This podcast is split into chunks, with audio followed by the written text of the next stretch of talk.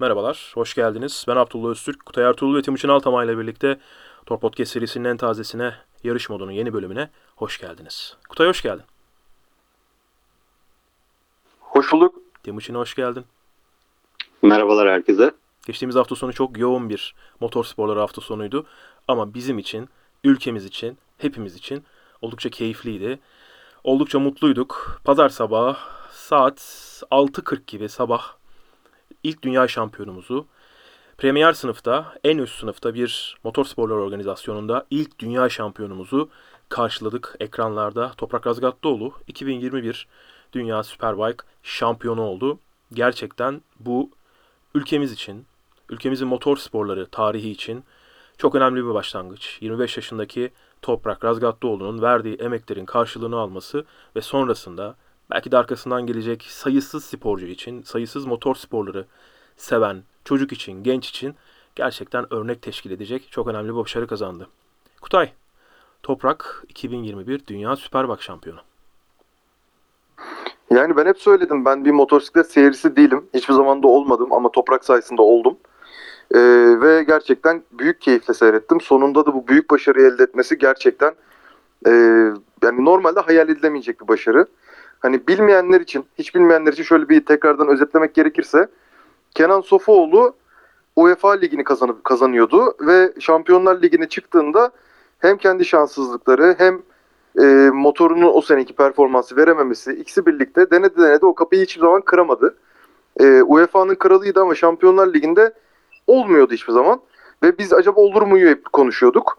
E, Toprak geldi ve Şampiyonlar Ligi'ni kazandı. Hani insanlar bazen anlayamayabiliyorlar işte MotoGP daha iyi değil mi? Bunu daha önce anlattık ama MotoGP daha iyi değil. İki tane en üst seri var. Biri MotoGP, biri e, Toprağın kazandığı seri. Dolayısıyla e, Türkiye tarihindeki en büyük başarıyı elde etti. Umarım medyada da ve bundan sonraki e, dönemde de gereken ilgiyi görür. Ben en çok şunda mutlu oldum. Sabah uyandım, ne oldu diye bir hemen baktım. E, yani tabii ki motorsporlarla ilgilendiğim için bu böyle ama yani Instagram'da storylerde sanki bir 29 Ekim, sanki bir 10 Kasım e, gibi herkes toprağı paylaşmıştı. Yani böyle geçiyorum toprak, geçiyorum toprak, geçiyorum şampiyon, geçiyorum bilmem ne. İnanılmaz hoşuma gitti. Umarım e, üstüne koya koya devam eder. Aynen öyle. Timuçin? Ee, ben Kutay kadar da bilmiyorum motor kısmını, e, motosiklet kısmını. E, hatta şöyle söyleyeyim, kendimi deşifre edeyim. Ben sabah 6'daki yarışı unutup saat 10'daki yarışı izlemek için uyandım. Pazar günü. E, ondan sonrasında açtım. Baktım yağmurlu. E, şey cumartesi günkü gibi deli gibi yağmur yağıyor. Dedim herhalde bunlar yarışamadan e, toprak şampiyon olacak diyerekten diye düşündüm. Hatta gruba da yazdım. Sonrasında bir baktım toprak zaten şampiyon olmuş. Çünkü 6'da yarış varmış. E, ben kaçırdım. Sonrasında e, Allah'tan bayağı yağmurluydu. İkinci seansa çıkmadan önce e, o arada e, toprağın tekrardan yarışın şey ilk yarışın özetini verdiler. Eurosport'ta onu te- izlemiş oldum. Orada görmüş oldum e, altın tulumu giydiğini, e, şampiyonluğun kutladığı kısımları orada görmüş oldum. Çok hoşuma gitti açıkçası. Hani ben şampiyonluğu izleyeyim diyerekten kalktım ama e, biraz daha erken kalkmam, bayağı bir erken kalkmam lazımmış. Onu bilmiyordum. E, tabii ki Türkiye'de e, den bu şekilde güzel bir sporcu çıkması bizi e, uluslararası müsabakalarda ne derler? Temsil etmesi. Temsil etmesi e, gurur verici ve 25 yaşında daha toprak. Önü daha çok açık. E, inşallah e, bakalım başka serilere geçecek mi geçmeyecek mi onu da göreceğiz. Kazandığı başarı çok önemli, çok kıymetli. Gerçekten bunu yıllardır bekliyorduk, yıllardır istiyorduk.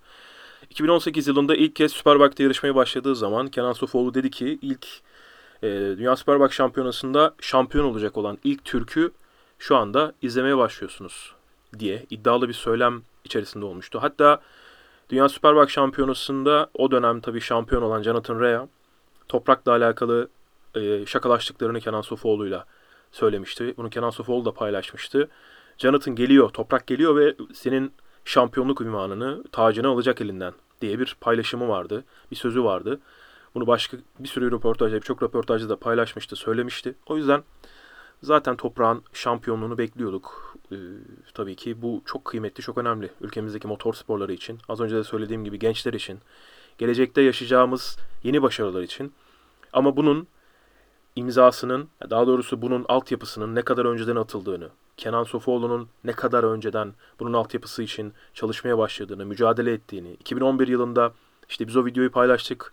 Rahmetli Bark- Barkın Bayoğlu'nun İstanbul Park'a gittiği ve Motosiklet Federasyonu ile Kenan Sofuoğlu'nun birlikte düzenlediği o seçmeler, oradan çıkan toprak, çok yetenekli, süper yetenekli bir çocuğu bulmaları, keşfetmeleri. Belki başkası da keşfedecekti ama orada vesile olundu. Öyle bir organizasyon düzenlendi. Sonra gidiyor dünyada ve kendini göstermeye başlıyor alt serilerde. İşte orada babasının paylaştığı cümleler, o da Allah rahmet eylesin. Ee, tek teker Arif Ünvanlı babası. O yüzden bu muhteşem bir başarı. MotoGP konusu da orada çok bizim daha önceki e, podcastlerimizi dinleyenlerin bildiği üzere çok farklı bir siyaset var. Valentino Rossi'yi bile yediler orada. 2013, 2014, 2015 döneminde Valentino Rossi'yi yediler. Çok net bir şekilde İspanyol lo- lobisi. Kendi takım arkadaşı yedi onu. O yüzden oraya gitmek, orada başarılı olmak denk getirmeniz gerekiyor. Çok sağlam, çok kuvvetli bir motorla gelmeniz gerekiyor. İşte hani o tarafı hiç bilmeyenler için Honda takımı sadece Mark Marquez'in kullanabildiği ve Mark Marquez'in sakat olmadığı zaman bütün yarışları kazanabildiği bir motor var e, Honda'nın elinde. E, diğer tarafta Ducati takımı şu anda çok hızlı, çok kuvvetli görünüyor. Ama bir yandan orada da Yamaha çok ciddi bir başarı kazandı. Orada da bir şampiyon çıkardılar. Yani dengeler orada da çok farklı. Denk getirmeniz lazım. Gerçekten size de çok kuvvetli bir motor denk gelmesi lazım MotoGP'de.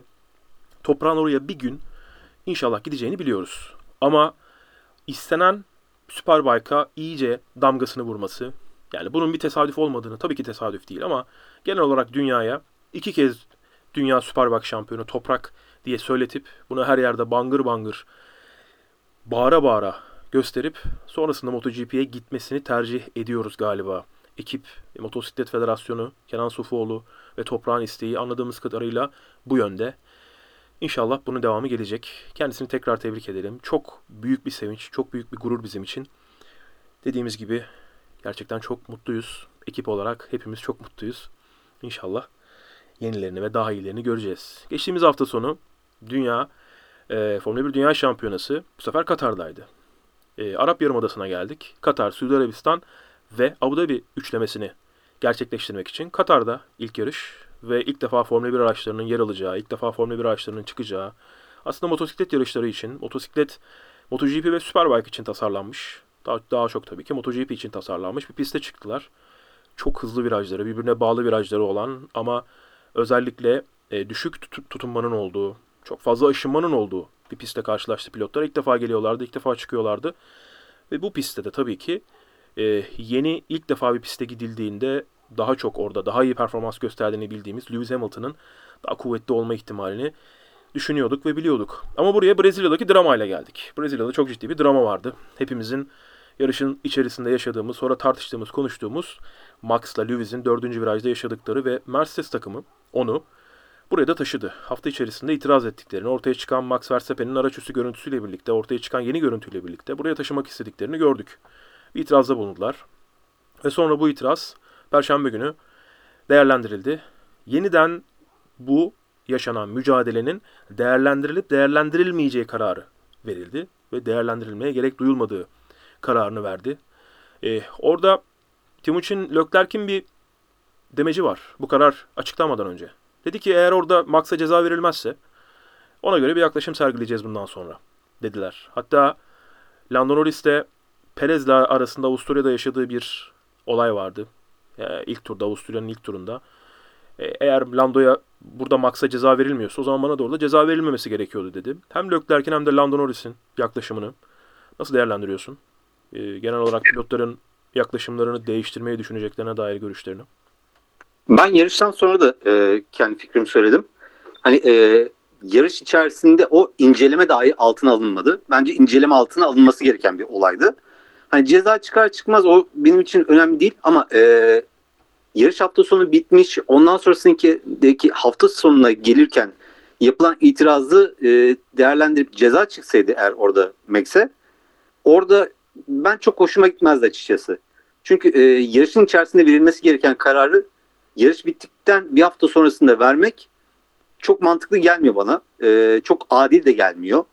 Çünkü e, Max ona göre temposunu devam ettirdi. E, belki alacağı bir ceza olsaydı ona göre bir tempo ayarlayıp e, Bottas'la arasındaki farkı koruyabilirdi. Hani öyle bir şey yapma ihtimali vardı.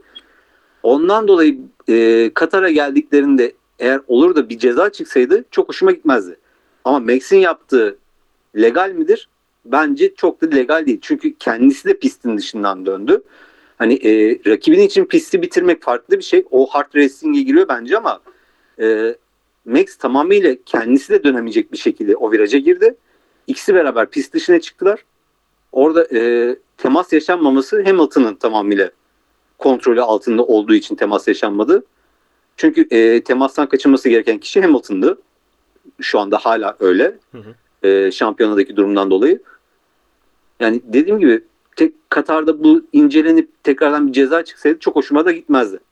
Kutay, sen Leclerc'in ve Norris'in bu karar eğer onaylanırsa yaklaşımımız özellikle Leclerc'in cümlesi o şekildeydi. Yaklaşımımız değişecek. Pist üstünde neler yapabileceğimizi, nasıl savunma yapabileceğimizi birazcık görmüş olacağız dediler. Ne diyorsun? Yani bence çok anlamlı ve mantıklı bir e, cümle kurulmadı orada Leclerc ve Norris açısından. Yani o pozisyonu biz zaten o gün de tartıştık. Ceza çıksa da evet çıkabilirdi ama çıkmazsa da ne yapacaklar? Şimdi herkes birbirini pist dışından mı geçmeye başlayacak? Böyle bir şey mümkün değil. E, dolayısıyla bence Leclerc Norris'in çıkışı hani biz de buradayız çıkışı gibi olmuş birazcık. Çok mühim değil hele ki sezonun şu noktasında. Şöyle bir şey gireceğim. Katar'da e, yanlış bilmiyorsam bu yarışmacıların şey e, briefing kısmında yaklaşık bir saat boyunca bunu da tartışmışlar. Evet. Aynen öyle. E, konuştular. ama yine bir sonuç çıkmamış. Yani e, oradayken bile bir sonuç çıkmıyor. Hani nasıl e, atak yapı şey defans yapılmalı, nasıl geçiş yapılmalı tarzında bir saat üzerine konuşma yapılmış. Hamilton da bu konuda e, isyan etmiş, şikayet etmiş ama yani Massi'den gelen net bir cevap yok. Şimdi özellikle oradaki dördüncü virajda, Brezilya'nın dördüncü virajında yaşanan mücadele sonrası Norris dedi ki e, Avusturya'da Perez çakıl havuzuna çıkmıştı. Orada ceza verildi bana. Demek ki burada çakıl havuz olsa ceza verilecekti diye düşündü. Ama birçoğunuz hatırlayacaksınızdır. Geçtiğimiz yıl Avusturya'da Max'la Leclerc kapışırken Leclerc de tekerlekleri birbirine değmişti ve Leclerc e, kaçış alanına, üçüncü virajda kaçış alanına, asfalt kaçış alanına çıkarak e, dönmüştü. Ve orada yaşadıkları temas sonrası Max Leclerc'i geçmeyi başarmıştı. E, yani orada aslında her pozisyonu, yaşanan her olayı viraj viraj, yarış yarış, durum durum değerlendirmek gerekiyor. Başka bir kararın diğer kararı etkilememesi gerekiyor. Doğrusu bu. Çünkü 1990 yılında e, Japonya'da son yarışta Ayrton Senna'nın viraja hiç dönmeyi düşünmeden direktman gidip arkadan Prost'a çarpması ve dünya şampiyonluğunu orada kazanması. Çünkü e, zaten çok küçük bir fark vardı aralarında. E, yani her her şeyi o zaman geçmişe dair tartışmaya açarız. Geçmişteki bir şeyle kıyaslamamak gerekiyor. Bu kesinlikle yanlış.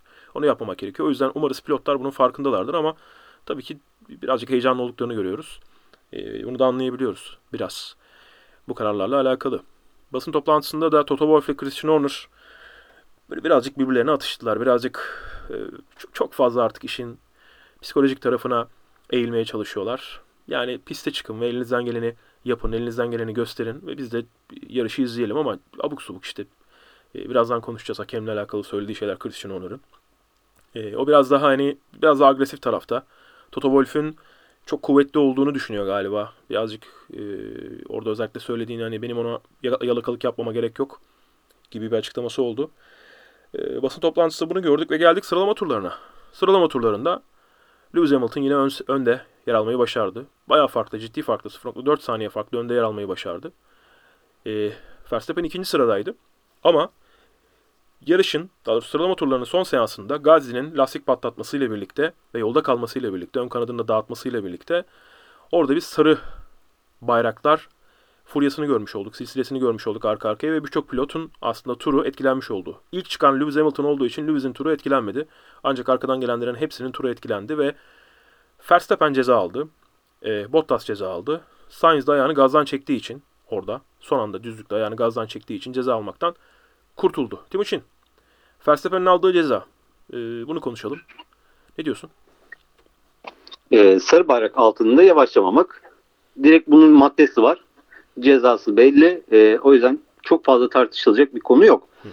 Oradaki tek tartışılacak konu belki şey olabilir. Bu pilotlar artık dijital kısmına çok alıştılar. E, Digiplay'den e, yapılan uyarı direkt ekranlarına düşmesi falan. Bunlara çok alıştıkları için eski sistemdeki o bayrağı sanki yokmuş gibi davranıyorlar. Hı hı. Ama e, geçerli olan kısım da o. E, bundan dolayı verilen cezada hiçbir sıkıntı yok. E, pilotların itirazı tamamıyla dijital bayrağın yanmaması ve kendi direksiyonlarına düşmemesi. Ya bunda çok savunulacak bir yeri yok bence. Evet burada sözü tekrar Kutay'a vermeden önce ben yorumumu yapayım ki o biraz daha bizim konuştuklarımızın üstüne hakem tarafında yorumlarımızı yapıp hani hakem geçmişimiz olduğu için yorumlarımızı yapıp üstüne e, Kutay'ın yorumu gelsin. Biraz da tabii izleyici tarafıyla yorumlasın. Motor sporlarında sarı bayrak söz konusu olduğu zaman sarı bayrak altındaki yapılacak olan her türlü inceleme mutlaka ama mutlaka sarı bayrak kurallarına uymayan pilotun aleyhinedir. Yani görüp görmemene herhangi bir şekilde dikkat edilemez. Senin orada net bir şekilde sarı bayrak altında tam gaz gitmediğini artık telemetre verileri de elimizde. Geçmişte hatta 90'ların başından beri neredeyse bu telemetreleri 3 aşağı 5 yukarı ara- araçların işte içindeki kutulardan vesaire de arıp ama şu anda yarış sırasında hemen ekrandan bile izlediğin zaman hiç öyle FIA'nın falan elinde de değil. Hepimiz bu verilere ulaşabiliyoruz. Bu telemetrelere, bu verilere hepimiz ulaşabiliyoruz. Çok net şekilde biz de paylaştık zaten hikayelerde. Kimin ayağını gazdan çektiğini, kimin çekmediğini görebiliyoruz. Sarı bayrak altında sarı bayrağı görmedim, gördüm. Hiçbir şekilde buna bakılmaz. Kesinlikle bakamazsınız. Burada bütün sorumluluğu pilota ve onun mühendisine yük- yüklemek gerekiyor. Takıma yüklemek gerekiyor. Bütün sorumluluk sizde. Ya biz burada sarı bayrağı salladık. Ee, geçmişte pilotlar yine görmüyorlardı sarı bayrağı veya görüyorlardı. Orada çift sarı bayrak net şekilde sallanıyor. Senin bunu görmen gerekiyor. Düzlüğe çıktığın anda düzlüğün ilerisinde sağda gazliği görmen gerekiyor. Ayağını gazdan çekmiyorsun ve onun yanından geçerken de tam gaz devam ediyorsun. O yüzden bu herhangi bir şekilde tartışmaya açık bir konu olamaz. Hiçbir zaman olmamalı. Sarı bayrak altında tek sarı ya da çift sarı. Çift sarı olduğu zaman tabii ki çok daha tehlikeli bir durumdan bahsediyoruz. Ama sıralama turları seansında özellikle bu normal antrenmanlarda da geçerli ama sıralama turlarında özellikle sarı bayrak olduğu anda oradaki attığınız tur zaten iptal ediliyor. Ayağınızı gazdan çekmeniz zaten şart. O yüzden benim orada yapacağım eleştiri hani burada verilen ceza e, çok tartışmalı bir durum değil ama e, sarı bayrak sallandığı görüldü. Sarı bayrağı gördük. Hiçbir inceleme olmadı. Yani dereceler açıklandı. Orada yarışın sonunda işte şey, sıralama turlarının sonunda geldi pilotlar. işte birkaç bir şeyler söylediler falan. O seans tamamlandı. Bitti. Aradan bayağı bir süre geçti. Ya işte biz bunları bir şeye çağıracağız yarın. Ee, öğlen bir de konuşacağız. Ya abi ne yapıyorsunuz siz? Hakikaten yani bu kadar dramayı büyütmeye çalışmak, bu kadar dramayı büyütmeye çalışmak ve yani kuralları bu kadar esnetmek. Yarış saat 5'te. Ee, yarıştan 4 saat önce sizin start listesini açıklamanız gerekiyor. Ve start listesini açıklamak bir yana. Bir de Max Verstappen'i dinlediler ilk kez. Daha sonra 15 dakika sonra işte Bottas'ı sonra Sainz'i dinlediler ve kararı da işte yarışa çok kısa süre kala verdiler. Hani e, burada önemli olan takımları konuşturmamak, taraftarları konuşturmamak için sen bu olay yaşandı mı? Yaşandı. Telemetreler net net. Sarı bayrak altında çünkü hakemler bunu hemen söylüyorlar. Sarı bayrak altında işte gazlamaya devam etti. Yavaşlamadı. Şu oldu bu oldu. Bu görülüyor. O kadar net ki. Yani geceyle gündüz kadar, siyahla beyaz kadar net bir durum bu. Tartışmaya açık değil. Brezilya'da dördüncü virajda yaşanan olay gibi bir şey değil bu. Ya bunu bunu şey yapamazsınız. E, net bir şekilde görülen bir şeyi hemen sıralama turları bittiği anda, an o anda hemen diyeceksin ki e, sıralama turlarının son seansında, son dakikalarında atılan turların hepsi inceleme altında. Bu cümleyi verdiğin anda zaten tamam. Konu kapanmıştır. Belli ki burada ceza gelecek veya bu turlar iptal edilecek. E, bu, bu- bunu görmüş olacağız biz zaten ama sen saatler sonra sabah dinleyeceğini söylüyorsun. Yani bu yarış yönetimi, bu seviyede bu kadar kötü bir yarış yönetimi gerçekten imkansız. Bu hiçbir şekilde kabul edilemez. Yani bu bunu net bir şekilde söylemek lazım. Birçok şey kapağı açıyorsun, birçok şey kapağı aralıyorsun. Ee, biz tabii hakem olduğumuz için, eski hakemler olduğumuz için özellikle bu konulara çok fazla eğiliyoruz ve bizim canımızı sıkıyor. Kutay, ne diyorsun? Bu sarı bayrak mevzusu. Ee, şöyle e, mute tuşuyla bir sıkıntı yaşadım. Sizi zaten gayet hakem tarafını özetlediniz aslında. Ben de biraz o taraftan girecektim. Buyur abi. Yani sarı bayrak sallanıyorsa hızını keseceksin. Kesmezsen de bunun cezası var. Bu çok 2 artı 2 4. Yani buna başka diyecek hiçbir şey yok. Ee, incelemeler yapılırken hani sen de paylaştın zaten bizim storylerde gayet güzel gözüküyor. Yani e, şu şu şu var gör e, var yavaşlamadı. Şu işte sarı bayrak sallanıyor. Ekranda gözükmüyor. Yavaşlamadı. Sainz'de hiçbir durum yok. O yüzden hani ona ceza çıkmadı zaten. Gayet açık ve net bir durum. Hiç böyle tartışmaya açık bir durum yok bence. Aynen öyle. Ya orada işte genel olarak itiraz zaten Red Bull'un yaptığı itiraz işte pilotların e, deşleri üzerinde, ekranları üzerinde, direksiyonların, direksiyonlarındaki ekran üzerinde herhangi bir sarı bayrak yok. Çünkü dijital flak çalışmadığı için oraya herhangi bir uyarı düşmüyor. Onlar görmediler bunu diyorlar ama böyle bir şey yok. Yani bunu bunu görmedikleri zaman da e, önemli olan pistte fiziki olarak bir bayrak sallanıyor mu? Sallanıyor. Tek mühim olan şey budur. E, bu arada o bayrakları da, dijital bayrakları da yarış merkezden e, genel SC manasında kontrolü var ancak oradaki sarı bayrak, yeşil bayrak, beyaz bayrak kararlarını o dijital bayrakların başındaki Michael Massey bunun üstünde durmuş. Oradaki hakemler veriyor. Orada çalışan hakemler veriyorlar. Orada onların ellerinde bir kutu var. Zaten videosunu paylaşmıştık geçtiğimiz yıllarda. Orada da öyle bir durum var. Sonra Christian Horner'ın bir cümlesi geldi Kutay. Serseri bir hakem dedi. E, Rogue Marshall dedi. Serseri bir hakem. Yani orada düzenbaz falan diye çevirdiler ama hani işte orada daha çok onu düzenbaz gibi değil de daha çok işte asi, serseri olarak çevirebiliriz. E, serseri bir hakemin salladığı bayrak yüzünden ceza aldık dedi Kutay. Christian Horner. Yani çok haddini aşan bir yorum yaptı. Michael Massey de bugüne kadar ne kadar eleştirsek de çok e, dik durarak düzgün bir yanıtla ya hiçbir şekilde kimsenin böyle bir şey söylemeye hakkı yok. Onları savunacağım dedi. Ne diyorsun? Bu işlerin bu noktaya gelmesi, böyle abuk subuk açıklamalar yapmaları. Çünkü karşı takımla alakalı bir, karşı takımla alakalı bir yorum yapmıyorsun o anda. Oradaki pistteki bir pistteki bir görevliyle alakalı yorum yapıyorsun. Michael Massey de değil bu. Oradaki genç bir adam, genç bir insanla alakalı e, yorum yapıyorsun. O yüzden ne diyorsun? Öncelikle şunu sorayım. Ee, X bir kule. Ee, kimseye sormadan etmeden sarı bayrak çıkartabiliyor mu? İstediğin gibi. O kimseye bir şey sormuyorsun Evet. zaten. İstediğin gibi sallıyorsun o bayrağı. Tamamen sende o bayrak. Tamam. Tamam dur. Tamam, devam edeceğim. Bu sefer ben size soruyorum. Orada yani sen kuledesin ya da Timu kulede. Timu sen de aç e, mikrofonu sen de aynı anda cevap ver. Önünde e, Gazi'nin aracı aynı o şekilde sarı bayrak sallar mısın? Evet. Yani Çünkü o pist zaman üzerinde. evet evet yani o zaman bu adama niye e, böyle bir ithamda bulunuyor çok garip. E, yani Toto'nun da Cristiano Horner'ın da e, Türksel Süper Lig Türksel ne Aa, Türksel Süper Lig oldu reklam aldık. Süper Lig seviyesine inmesi gerçekten çok acayip. Ee, yani ben çok enteresan demeçler oluyor sürekli. şöyle söyleyeceğim. Ee, bu sezon sonuna doğru geldikleri şampiyonadaki durumdan dolayı bu ikisinin şaptığı tamamıyla kaydı. Toto Wolff'ün de Chris, Christian Horner'ın da e, yaptığı açıklamanın elle tutulur hiçbir yeri yok. Tamam mı? E, çünkü Pierre Gasly'nin aracı bildiğin pistin üzerinde. Yani e, pistin kenarında bile değil. Yani pistin kenarında olsa belki tehlike arz etmiyor muhabbeti yapabiliriz ama e, Gasly'nin aracı tamamen pistin üzerinde kaldı. Bu tehlikeli bir durum. Yani arkadan geleni uyarman lazım. Bak pistin üzerinde tehlikeli bir durum var. Duran bir araç var diyerekten. Oradaki hakem o görevini yapıyor. Yani bu görevini yapmasını bu şekilde e, Horner tarafından yani bu şekilde bir demeçle çok saçma bir şekilde açıklaması hiç mantıklı değil. Yani e, zaten sonrasında bir Özür e, dilerim. özür dilemişler galiba ama Evet. yani o bile çok saçma yani. Karar açık, açıklandığı anda hemen buluyorlar onu. Ona yorumunu soruyorlar ve o o anda o kelimeyi söylüyor. Sonra da e, hemen starttan önceki canlı yayında verdiği demeçte özür dilediğini, yani kişisel olarak bir şey söylemediğini, orada o anlık karara anlık olarak bir tepki verdiğini söyledi. Şubat ayının başında da hakemlerin e, hakemlerle alakalı, bu eğitimle alakalı, hakemlerin eğitimiyle alakalı bir seminere katılmayı teklif etti. Şubat ayının başında böyle bir seminer yapıyor FIA. Hakemlerle alakalı dünyanın dört bir tarafından işte bizim ülkemizden de giden e, Otomobil Sporları Federasyonu'nda görevli birileri gidiyor. Belki Serhan Acar gider bu sene ya da başkası gider bilmiyorum. Oraya gideceğini, oraya katılacağını söyledi. Özür dilediğini söyledi. Sonra da Max'la buluşturmuşlar o hakemi. Öyle bir fotoğraf çekmişler. Sıralama turlarının diğer seanslardan farkı şudur. Normalde pistin dışına bir araç dört tekeriyle çıktığında hani pistin dışına çıkıp girdiğinde diğer seanslarda ve yarışta hemen bir sarı bayrak sallanabiliyor. Ama özellikle sıralama turlarında hakemlere şöyle derler.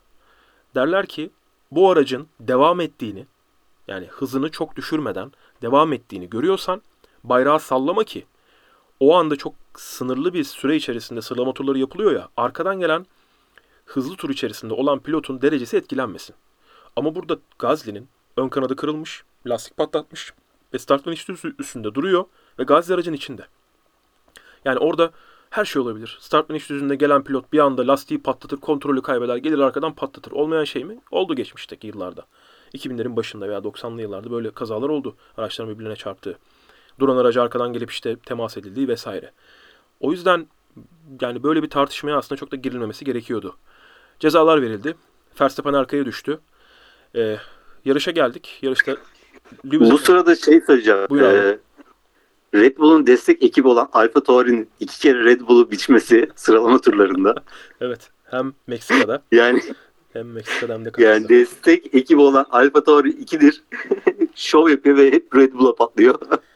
Ya orada şey- Orası bayağı komik oldu. Orada Lewis Hamilton risk almıyor. Ya burada Max Meksika'da akıllanmamış Red Bull. Sonuçta Red Bull gönderiyor Max'ı. Max'ın kararı değil bu. En sonunu gönderiyorlar. En son çıkan pilot oluyor. Bu yanlış. Lewis ne yapıyor? Hemen ikinci turlarda önce en önde çıkan pilot o oluyor. Ve gidip hızlı turunu atıp herhangi bir şekilde pistin üstünde birisi kalırsa bundan etkilenmiyor. E bunun hani anlaşılması gerekiyor Red Bull tarafından. En azından hani en son çıkan ilk ilk başta çıkan olmuyorsanız bile hemen ilk başta çıkanların arkasından çıkıp çok da fazla arkaya kalmamak gerekiyor. İşte böyle şeyler yaşanabilir. Ee, bu kadar da araçların hem antrenmanlarda özellikle birinci, ikinci antrenmanda araçları ne kadar zorladığını, ufak ufak parçalar koptuğunu, körplerden gördüğümüz bir pistte, araçların tutunma konusunda ciddi problemler yaşadığı bir pistte hani bunun riskinin alınmaması gerekiyordu ama böyle bir şey yaşandı Red Bull açısından. Kend- Kendileri veremedikleri kararın aslında nasıl söyleyelim ceremesini çekmiş oldular. Ee, yarışa Hamilton 1, Gasly 2, Alonso 3. sıradan başladı. Bu oldukça karmaşık bir aslında durum du Lewis Hamilton açısından. Çünkü Red Bull'un destek takımı Alfa Tauri 2. sıradaydı. Ve Hamilton'ı en az seven adam, nefret eden adam demeyeyim, nefret ettiğini düşünmüyorum ama en az seven adam Fernando Alonso hemen arkasındaydı. Ve hatta dedi ki Kutay, startta geçeceğim dedi. Startta geçmeye çalışacağım dedi. Hamilton'da yanlış lastik var, Gazi'de yanlış tarafta dedi. Bende yumuşak lastik var dedi ve dedi startta geçeceğimi düşünüyorum. Fernando Alonso. Yani hatta geçmesini de bekliyorduk bence. Yani buradaki iki kişi de yani en azından ilk turda öne geçip sonra hani tamam yerini kaybedecek ya kaybederdi illaki ama ben benim beklediğimden kötü start aldı Alonso. Evet. Ee, ama sonra Gazi ile yaşadığı savaş ve tekrardan pozisyonunu geri kazanması takdire şayan. Yani bırakmadı. Evet. Bu yani Alonso'nun yeteneği tamam hepimiz tarafından e, kabul edilen bir yetenek ama bu e, birebir mücadeleyi sürdürebilmek, sonuna kadar savaşabilmek hakikaten şu andaki pilotların e, pek azında var. Alonso mesela onlardan biri. Yani Hamilton'da da var bu. Ne kadar çok göremesek de yani çünkü e, ya hemen geliyor geçiyor ya da zaten e, başlıyor bitiriyor. Çok göremiyoruz ama Hamilton'da da var ama çok az pilotta bu e, mücadeleyi uzun sürdürebilme yeteneği var bence. E, do- yumuşak lastikle startın avantajından da ben öne geçeceğini bekliyordum ama tam tersi Gazli'ye bile sıra kaybetti. Allah Allah dedim. Sonra toparladı. Sadece startı yorumladığımız için Alonso'yu övmeyi şimdilik bırakıyorum. 23 tur attı o lastiklerle bir de yumuşak lastiklerle. Ee, buraya en sert lastik üçlemesiyle gelmişti. Fernando Alonso, Timuçin. Ben Heh, söyle abi. bak şunu söyleyeyim e, Timuçin'e geçmeden. Ben bu seneki lastikleri gerçekten anlamıyorum. Yani iki senedir falan anlamıyorum. Yumuşakla 23 tur atabiliyor bir pilot ve performanslı yapabiliyor bunu. Orta ile 20. ya 15. turda vibrasyon hissetmeye başlayabiliyorlar. Sertte 20 turda sonra sonra aman yarabbi lastiklerimiz bitiyor oluyor, patlıyor, ıvırıyor, kıvırıyor. Hani neyi ne, neye göre standartizasyon var? Nasıl oluyor? Hmm, Ben gerçekten çok anlayamıyorum bu iki senedir lastikleri. Belki sorular gelmiştir. Ee, Onun üstüne konuşuruz. Belki de benim aklıma gelir. Podcast'in devam eden dakikalarında bir şeyler söyleriz. Fernando Alonso, Timuçin. Yarışa 3. sıradan başladı. Lider olmayı umuyorum dedi ama sadece Gazi'yi geçebildi. İkinci sırada devam etti. Ne diyorsun startına Alonso'nun? Ya da starta genel olarak ne Evet. diyorsun? Start finish düzlüğü biraz daha geriden başlasaydı eğer yani biraz daha düzlük e, 850 metreydi galiba yanlış hatırlamıyorsam Katar'da. Ee, birinci viraja kadar olan mesafe. Eğer orası biraz daha uzun olsaydı şansı vardı Alonso'nun ama e, yeterli mesafeye erişemedi bence. Çok da kötü kalktığını düşünmüyorum ben açıkçası. E, Hamilton direkt arkasına kaldı. Hamilton'a aslında güzel bir kalkış yaptım Evet. bence orada. E, direkt Gazi'nin önüne kapanarak e, aslında Hamilton Gazi'yi araya almaya çalıştı Alonso'yla. Hani Alonso'ya şey vermek istemedi. E, bu hava koridorunu vermek istemedi. Hamilton orada kendince bir mantık yaptı. Çünkü Alonso'nun ne kadar te- tehditkar olacağını biliyordu. Güzel başladı bence Alonso e, üçüncü olmanın da avantajını kullandı orada. Evet, Lewis Hamilton'ın yarışı çok iyi başladığını gördük. Aslında arkasındakiler kötü başlamadılar. İyi başlangıç yaptılar yarışa. Ama Lewis Hamilton hemen yarışın başında Gasly'nin üstüne kapandı. Alonso'ya orada slipstream'i vermedi ve iyi bir başlangıçta önde kalmayı başardı. Zaten de başladığı gibi yarışı bitirdi. Max Verstappen hemen yarışın başında 3 kişiyi geride bıraktı hızlıca ve sonrasında önce Gasly'nin arkasına geldi. E, Gasly'yi geçti. Alonso'nun arkasına geldi. Alonso'yu kolayca geçti. Zaten orada bir video var. E, Gasly'nin arkasına geldiğinde Max Gasly'yi geçene kadar Gasly DRS'yi açmıyor. Önünde DRS mesafesinde birisi var. İsterse açabilir. Orada o anda bir e, açma şansı var. Çünkü Max yanına geldiği anda onu geç, geçtiği anda hemen DRS'yi açıyor. İlk viraja daha oldukça uzun mesafe varken e, hiç zorluk çıkarmadılar tabii ki. Alfa Tauri takımı olarak Max'a ve Alonso da hemen Max arkasına gelir gelmez hemen onu gönderdi çünkü o Hamilton Hate Fan Club e, başkanı olarak elbette bir şekilde Max'ın şampiyon olmasını bekliyor. Umuyor diyelim. Ve yarış içerisinde e, aslında yarışın hikayesi çok da fazla büyük bir hikaye değil. E, birazcık damage limitation olarak denilen durumu yaşadık. Red Bull açısından, Max Verstappen açısından ikinci olmayı başardı. Lewis Hamilton başladığı gibi bitirdi. Ama yarış içerisinde söylediğimiz gibi lastik patlatmalar, lastik sorunları yaşadık. Ee, ve Kutay e, Pirelli buraya gelirken özellikle iki pit stop yapılmasını önerdi. Ve çok yüksek bir aşınma olduğu için de buraya en sert 3 hamuru getirip yarışın içerisinde mutlaka iki pit stop yapılmasını önerdi takımlar ama takımlar ısrarla tek pit stop yapmak için strateji belirlediler. Onun üstüne strateji kurdular. Ve lastik patlama neredeyse görünene kadar kimse ikinci pit stop yapmayı düşünmedi. Bottas'ın lastik patlatmasıyla birlikte birçok takım ikinci pit stopunu yapmaya başladı. Hatta Bottas'tan sonra ısrar edenler de oldu, devam edenler de oldu. Sonra Lando Norris dedik yarıştan sonra. Pirelli bize zarar vermek istiyor. Hani bu pardon öyle demedi. Bu işin sonunda biz zarar göreceğiz dedi. E, Pirelli'nin hatasından dolayı. Ne diyorsun bu takımların e, hani Pirelli'ye güvenmemeleri mi diyelim ya da kendi başıboş kendi boşu boş tavırları mı diyelim? Şimdi öncelikle Pirelli'ye güvenmemelerini ben anlıyorum. Yani çünkü Pirelli'nin verdiği verilerin tutmadığını e, ve istenilen performansı vermediğini pek çok yarışta gördük. Burada hiçbir e, sıkıntım yok pilot Norris'in söylediği şey açısından. Lakin şunu anlamıyorum. 3 tane e, antrenman seansı geçiriyorlar ve o 3 antrenman seansında da hangi lastiğin ne kadar aşındığını görebiliyorlar.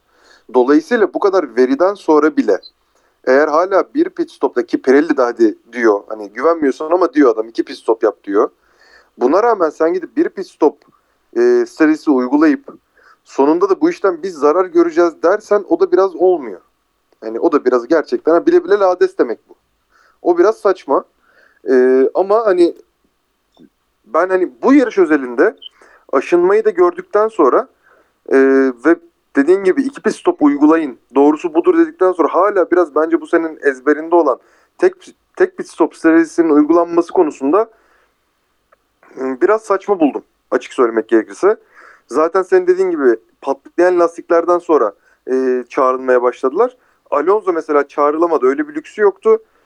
Muhtemelen o yani sanal güvenlik aracı olmasa son periyotta Alonso'nun da lastiğinin patladığını görebilirdik belki de. Evet. Belki onun için senin söylediğin gibi bir piyango olmuş olabilir. Bu lastik konusunda Timuçin ne diyorsun? Hem e, bu Pirelli'nin söyledikleri hem Lando Norris'in söylediği. Yarış başlarken Pirelli'nin bir e, şey vardı hani klasik altta gösteriyor ya e, olası pit stratejileri diyerekten. Soft'la başlayana iki tane medium öneriyor. Medium'la başlayana iki tane hard öneriyor. İki, pit, iki, tar- iki taraflı da iki pit stop öneriyor ama çok e, orada benim kafamı karıştıran şuydu. Medium'la başlayana iki tane hard öneriyorsun. Diyorsun ki bu şekilde yarışı bitirebilirsin. Soft'la başlayana iki tane medium öneriyor peşine. İki yani takımlar bu şekilde Pirelli'ye güvenmemesi çok normal. Yani e, ama güvenmeyeceksen de kendi e, şeyini ne derler lastikle ilgili birini iyice bir analiz etmen lazım. O Cuma günkü yaptığı iki seans ve Cumartesi sabah yaptığı seansla e, lastiklerin üzerindeki veriyi iyice incelemeleri lazımdı. Yani iyice bir e, check etmeleri lazımdı.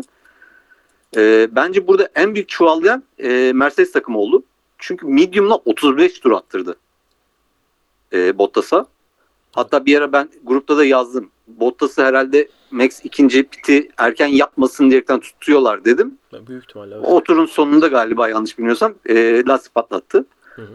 Ve kötü bir yerde patlattı. Neredeyse birinci virajın oralarda bir yerde patlattı. Bir veyahut da ikinci virajın oralarda bir yerde. Bütün pisti e, üç tekerle dönmeye çalıştı. Bayağı bir, bir zaman kaybetti orada. Aynen öyle. Şimdi Katar pistinin söylediğimiz üzere yaptığımız paylaşımlarda da bunu ifade ettik, anlatmaya çalıştık. Burası bir motosiklet pisti ve virajlar genel alanda genel anlamda körbler bu şekilde tasarlanmış durumda ve burası çok yarış yapılan bir pist değil. Genelde Orta Doğu'da Bahreyn'i kullanıyorlar. Ee, işte farklı yerlere gidiyorlar. Ee, yine işte Malezya'da bazı yarışların yapıldığını görüyoruz ama Katar pisti çok kullanılan bir pist değil. Ve Katar çok büyük ihtimalle bir pist yapacak zaten ama hani bu pist üzerinde konuşalım, bu yarış üzerinde konuşalım. E, zemin çok farklı bir zemin. Zımpara gibi. E, ve çok ciddi bir aşınmadan söz ediliyor. Hem bu aşınmayı görüyoruz, hem özellikle pilotların yarı çizgisinin dışına çıktıklarında arkalarından nasıl bir toz kaldırdıklarını çöl kumundan dolayı gördük. Çok fazla körb kullandılar. Farklı yarışlarda görmediğimiz, birçok yarışta görmediğimiz körbü tamamen terk etmediği müddetçe derecen sil- silinmez gibi garip bir uygulama yapıldı. Yani bu beyaz çizgi kuralını bu adamlar kartingden beri ezberlemişler ve sen bu adamların ezberini bozmana gerek yok. Hiçbir şekilde bozmana gerek yok. O zaman çünkü körpler çok geniş. Beyaz çizgisi, çizginin tamamen dışına çıkıp e, körbün üstünden o zaman geçiş yapabilirsin. Bir rakibine geçme şansın var.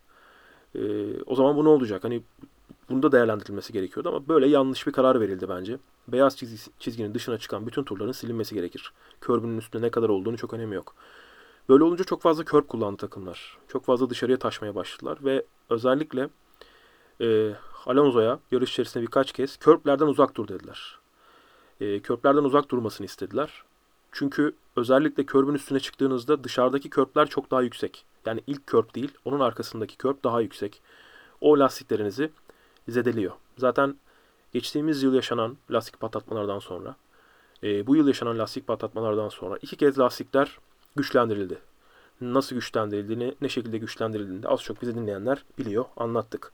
Burada özellikle e, takımların lastik patlatmadan önce bütün takımların, bütün pilotların söyledikleri hiçbir uyarı almadık. Hiçbir basınç düşüşü, hiçbir lastikten farklı bir ısı düşüşü gibi bir uyarı almadık. Bir anda hemen patladı lastik diyorlar.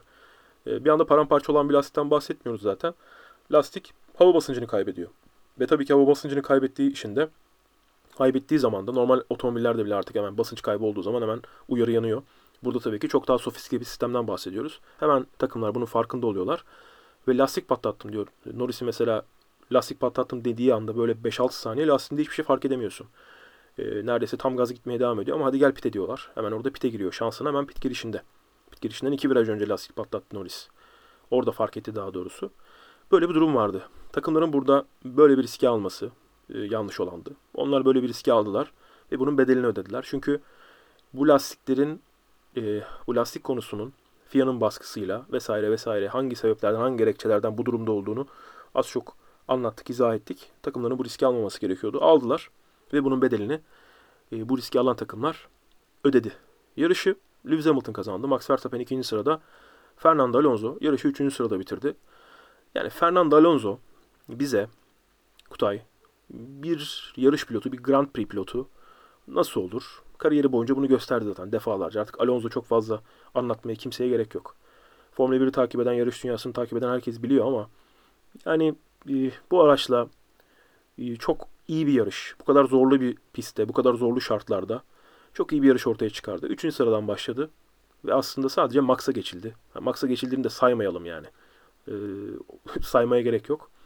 E, yarışı 3. sırada bitirmeyi başardı. 2014'ten beri 7 seneden sonra ilk kez podyumda yer aldığını gördük Fernando Alonso'nun.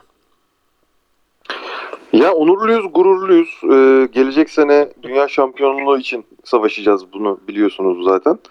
Dolayısıyla bu da onun e, ayak sesleri. Ya şaka bir yana Alonso'nun podyumda olması hakikaten herkesi mutlu etmiş. Yani sadece beni ya da Renault taraftarlarını ya da işte bilmem neyi sevenler ama bilmem neyi sevmeyenler falan diye böyle herkes Alonso podyumda olduğu için mutlu. Bu hem Alonso'nun ım, nasıl diyeyim yeteneğinin karşılığına gelebilecek başarıyı kazanamadığı için ve bu herkes tarafından kabul görülen bir şey olduğu için güzel bir şey. Bir yandan nostaljik bir durum. Dediğimiz gibi 7 sene sonra ilk defa podyuma çıkıyor. Yani şunu hep konuşuyoruz. Alonso'ya doğru araçlar verilseydi hani acaba kaç şampiyonlu olurdu? Bunu tabii ki bilemeyeceğiz ama ikiden fazla olacağı kesin. Ee, maalesef olmadı, olamadı. Ee, fakat hala bunu yapabiliyor olması hem kendisi için çok güzel hem seyredenler için bence hala çok güzel hem de mevcut yarışan pilotların kendilerine hedef koyabilecekleri bir adam var. Bir adam geldi 40 yaşında favori olmayan bir otomobille podyum alabiliyordu diye. Yani e, ben şu anda 30-31 yaşında bir Formula 1 pilotu olsam e, ve böyle bir örneği görsem hani savaşmaya devam et şeyini alırım kendime. Mesajını alırım kendime. Ne durumda olursam olayım. Hani fark etmez o. E, dolayısıyla mutluyuz ya. Mutluyuz. Bu sene bereketli geçti yani. Bir yarış galibiyeti, bir podyum. Ocon birazcık daha düzgün e, süreydi. Belki bir şeyler daha gelirdi ama olmadı ama yani bunlara da ben okeyim e, geçen çok kötü senelerden sonra. Evet Ocon dün 5. olmayı başardı. Timuçin, Fernando Alonso. 7 yıl sonrasında gelen üçüncülük e, takdire şayan. Çünkü 40 yaşında değil mi Alonso Evet. yanlış hatırlamıyorsam. Evet. 40 yaşındaki bir adam yapıyor bunu. E, çünkü F1 top seviyede olan pilotların yeri e, fiziksel kondisyonların çok iyi olması lazım.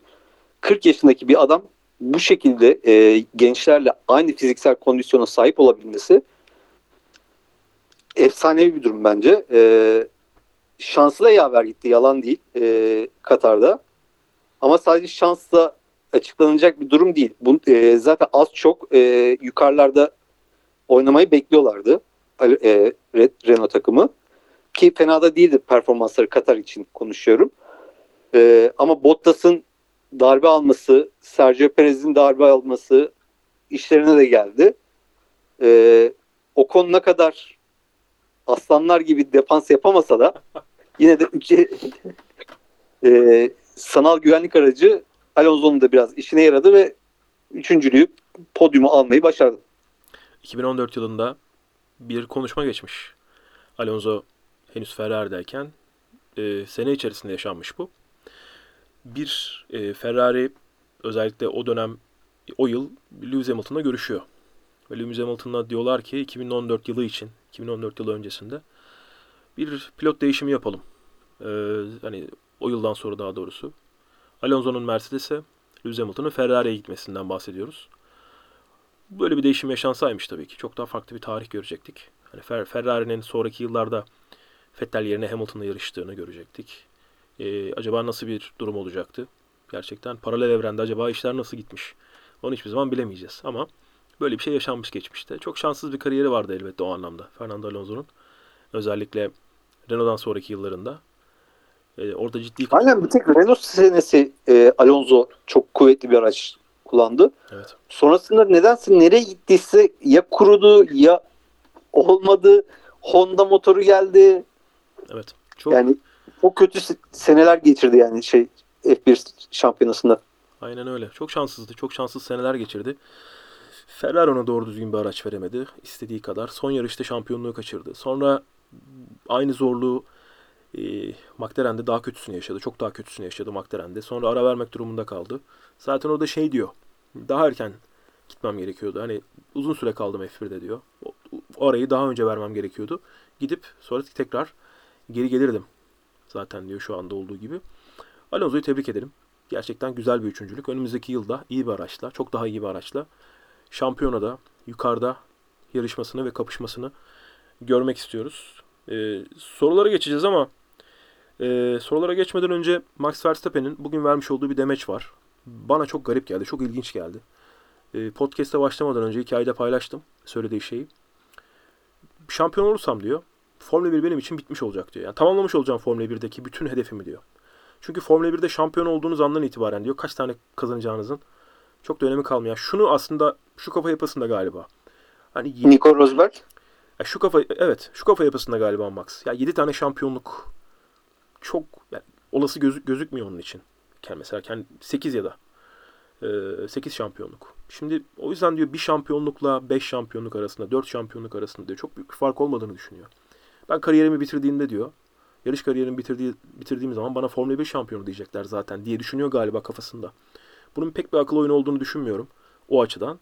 Ee, farklı bir kafada. Kutay sana bunu sorayım. Yani şampiyon olduğunda F1 hedefini tamamlayacağım kafanda.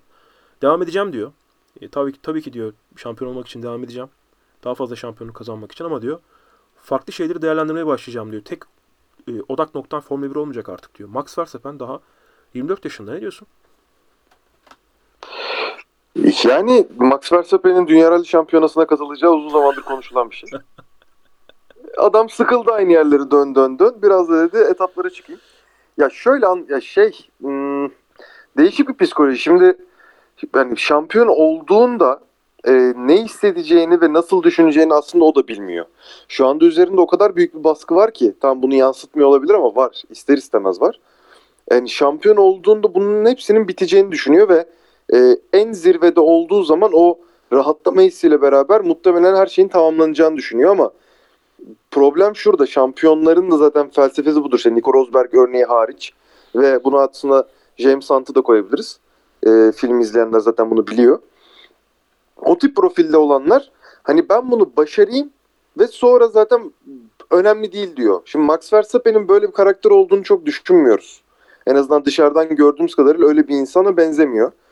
Ee, dolayısıyla benim tahminim kazandıktan sonra bir gün sonra uyandığında şimdi ne olacak diyecek ve tekrardan çalışmak zorunda kalacak. Yani Formula 1'de olmak istediği sürece e, ister istemez şampiyonluk için yarışacak bu. Çünkü keyif alamazsın bir kere şampiyon olduktan sonra. Yani Alonso'yu düşünelim. 2005-2006 e, çok yani yine favori olmayan bir otomobil aslında bakıldığında ama çok büyük avantajları olan ve aslında o döneme bakıldığında yine zor şampiyonluklar. Öyle kolay gelen şampiyonluklar değil.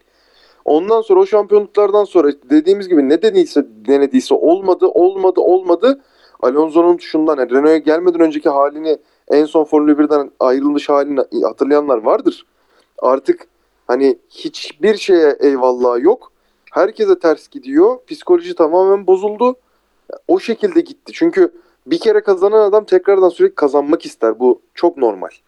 Dolayısıyla Max Verstappen de kazandıktan sonra eğer ki branş değiştirmeyecekse hani şunu da yapabilir. Çünkü yeni farklı bir jenerasyonun bireyi gerçekten. Hani rally şampiyonası işin geyiği ama hani şampiyon oldu. Bir iki sene yarıştı. Baktı keyif almıyor. Abi ben ne bileyim ne yapsın? Ne yaptıralım adama en garip? NASCAR yapacağım. Gider NASCAR yapar. Anlatabiliyor muyum? Yapabilir yani. Elinde bu imkan her zaman olacak. Eğer öyle her şeyi denemek isteyen, her şeyi tecrübe etmek isteyen bir karakterdeyse bunu da yapabilir ama tabii genelde mantıklı bir karar olmuyor bu. Timuçin ne diyorsun bu açıklamasına Max? Yani Nico Rosberg bir emekli mi olacakmış yani ben onu anlayamadım tamamıyla. Yani çok erken böyle bir demeç vermesi için e, öncelikli bir şampiyon olması gerekiyor. Şu anda e, av konumunda. E, ama yani çok yüksek bir performans şey potansiyel var Max'te. E, bu şekilde kendini erkenden kapatır mı? E, o çok garip geldi bana açıkçası. BBC'ye verdiği röportajda böyle bir soru sormuşlar ona. Sorulan sorunun ardından e, yani gelen soru zaten şampiyon olduktan sonra ne yapacaksın? Hani işte buradan sonraki hedefin ne olacak? Eğer şampiyon olursan diye soru soruluyor ve ona cevaben böyle bir cevap, e, karşılık veriyor. Bana çok garip geldi. Bilmiyorum. E, ben böyle bir cevap beklemezdim Max'tan. Daha tutkulu, bu kadar yarışta, bu kadar pist üstünde, bu kadar tutkulu, bu kadar hırçın bir pilotun e, farklı bir potansiyel gördüğümüz, hepimizin çok farklı bir potansiyel gördüğü bir pilotun daha yırtıcı bir açıklama yapmasını, işte şu kadar e, şampiyonluk kazanır mıyım, kazanmaz mıyım gibi değil de hani olmaya devam edeceğim, mücadele etmeye devam edeceğim, daha fazlası için vesaire demesini beklerdim. En azından buna yakın ya da bu yönde bir şey beklerdim ama e, şampiyon olursam benim için konu kapanır aslında demesi bana biraz garip geldi. E, o yüzden bundan sonraki iki yarışta da mücadelelerini göreceğiz ve sonrasında sezonun sonunda kim şampiyon olacak aslında yaşayacağız. Suudi Arabistan favorin kim Timuçin? Sorulara geçmeden önce sana önce onu sorayım. Suudi Arabistan düzlüklerin fazla olduğu bir pist e, gibi gözüküyor. Mercedes ve Hamilton favorim. Onu daha öncesinde de söylemiştim. Ben Katar'da bu kadar yüksek e, hız beklemiyordum açıkçası. E, atılan turlar çok garip geldi bana. Hı hı. Yani Katar yukarıdan kuş bakışı baktığımızda çok daha yavaş bir pist gibi gözüküyordu. Ama e, F1 araçları o şekilde yavaş dönmediler orayı. Hı hı. Suudi Arabistan için ise Mercedes'in çok güçlü olacağını düşünüyorum. Büyük ihtimalle e, Hamilton Brezilya'daki motoru takacak bu sefer. Katar'da kullanmadı onu. E, o da ona artı bir e, güç verecektir. Yani artı bir saniye kazanacaktır diye düşünüyorum. O yüzden e, Hamilton eli çok güçlü görüyorum. Suudi Arabistan'la alakalı senin bir öngörün var mı Kutay? Yani ben tekrardan Alonso'nun e, zirvede olacağını düşünüyorum. Abi yok yani şöyle yok. E, Verstappen dediği gibi av konumunda Timon'un dediği gibi. Ama hani yeni bir pist her şey olabilir. E, iyi olan kazansın. Çok bir öngörüm yok açıkçası söylemek gerekirse. Katar'la alakalı özellikle Gazli'nin ilk antrenman seansında bir videosunu paylaştık. Ee, ilk gerçekten atılan en hızlı turu paylaştık orada. ilk antrenman seansında ve Toprak bir cevap yazdı. Dedi ki biz burayı dedi bayağı hız keserek ve yavaşlayarak dönüyoruz ama bu adamlar bu araçlarla tam gaz dönüyorlar bizim o yavaşladığımız virajları. İnanılmaz gerçekten dedi. F1'in bizim yarıştığımız bir piste gidip onların orada yaptıkları şeyleri görmemiz dedi. Çünkü e, gerçekten çok başkaydı bazı virajların hızları. MotoGP ile 1.50 civarında tur attıklarını düşünürsek 1.20'yi gördük sıralama turlarında. O yüzden arada hani 30 saniye fark vardı gerçekten. MotoGP ile bile Formula 1 arasındaki hız farkı çok büyüktü. O zaman Katar'la alakalı gelen yorum, görüş ve sorularla devam edelim. Kutay'dayız yine. Klasik. Katar'la alakalı gelen soru, yorum ve görüşlerle bendeyiz. Hamilton'ın eski motorlu bile bu kadar hızlı olmasını nasıl yorumluyorsunuz? Hamilton gerçekten özellikle Brezilya öncesinde belli ki farklı bir modu açmış. Toto Wolff genelde boş yapmasıyla ünlüdür. Ama ben onun e, Brezilya'da Hamilton Hamilton'ın içindeki canavarı uyandırdılar sözüne katılıyorum. Şu an bambaşka bir seviyede sürüyor. Herkes e, aynı fikirdeydi. Brezilya'da Formula 1 tarihindeki en etkileyici pilot performanslarından birini gördük. O yüzden aynı şeye devam ediyor. Aracının çok üstünde bir performans gösteriyor. Aracı zaten hızlı. Aracın da üstüne çıkıyor. Yeni pist olduğu zaman Hamilton çok daha üstün olduğunu biliyoruz. Genel olarak e, önden kaymaya meyilli pistlerde Red Bull'un yaşadığı sorunları biliyoruz. Burada da birçok şey birleşti. Daha iyi bir paket geldi ve Mercedes'in önde olduğunu gördük. Çok şaşırtıcı değildi açıkçası. Lewis Hamilton pilot olduğu için benim açımdan. Bilmiyorum Timuçin ne diyecek? Hamilton şampiyonluk modunu açtı bence. Ee, bu yarıştan sonrasında da söyledi zaten.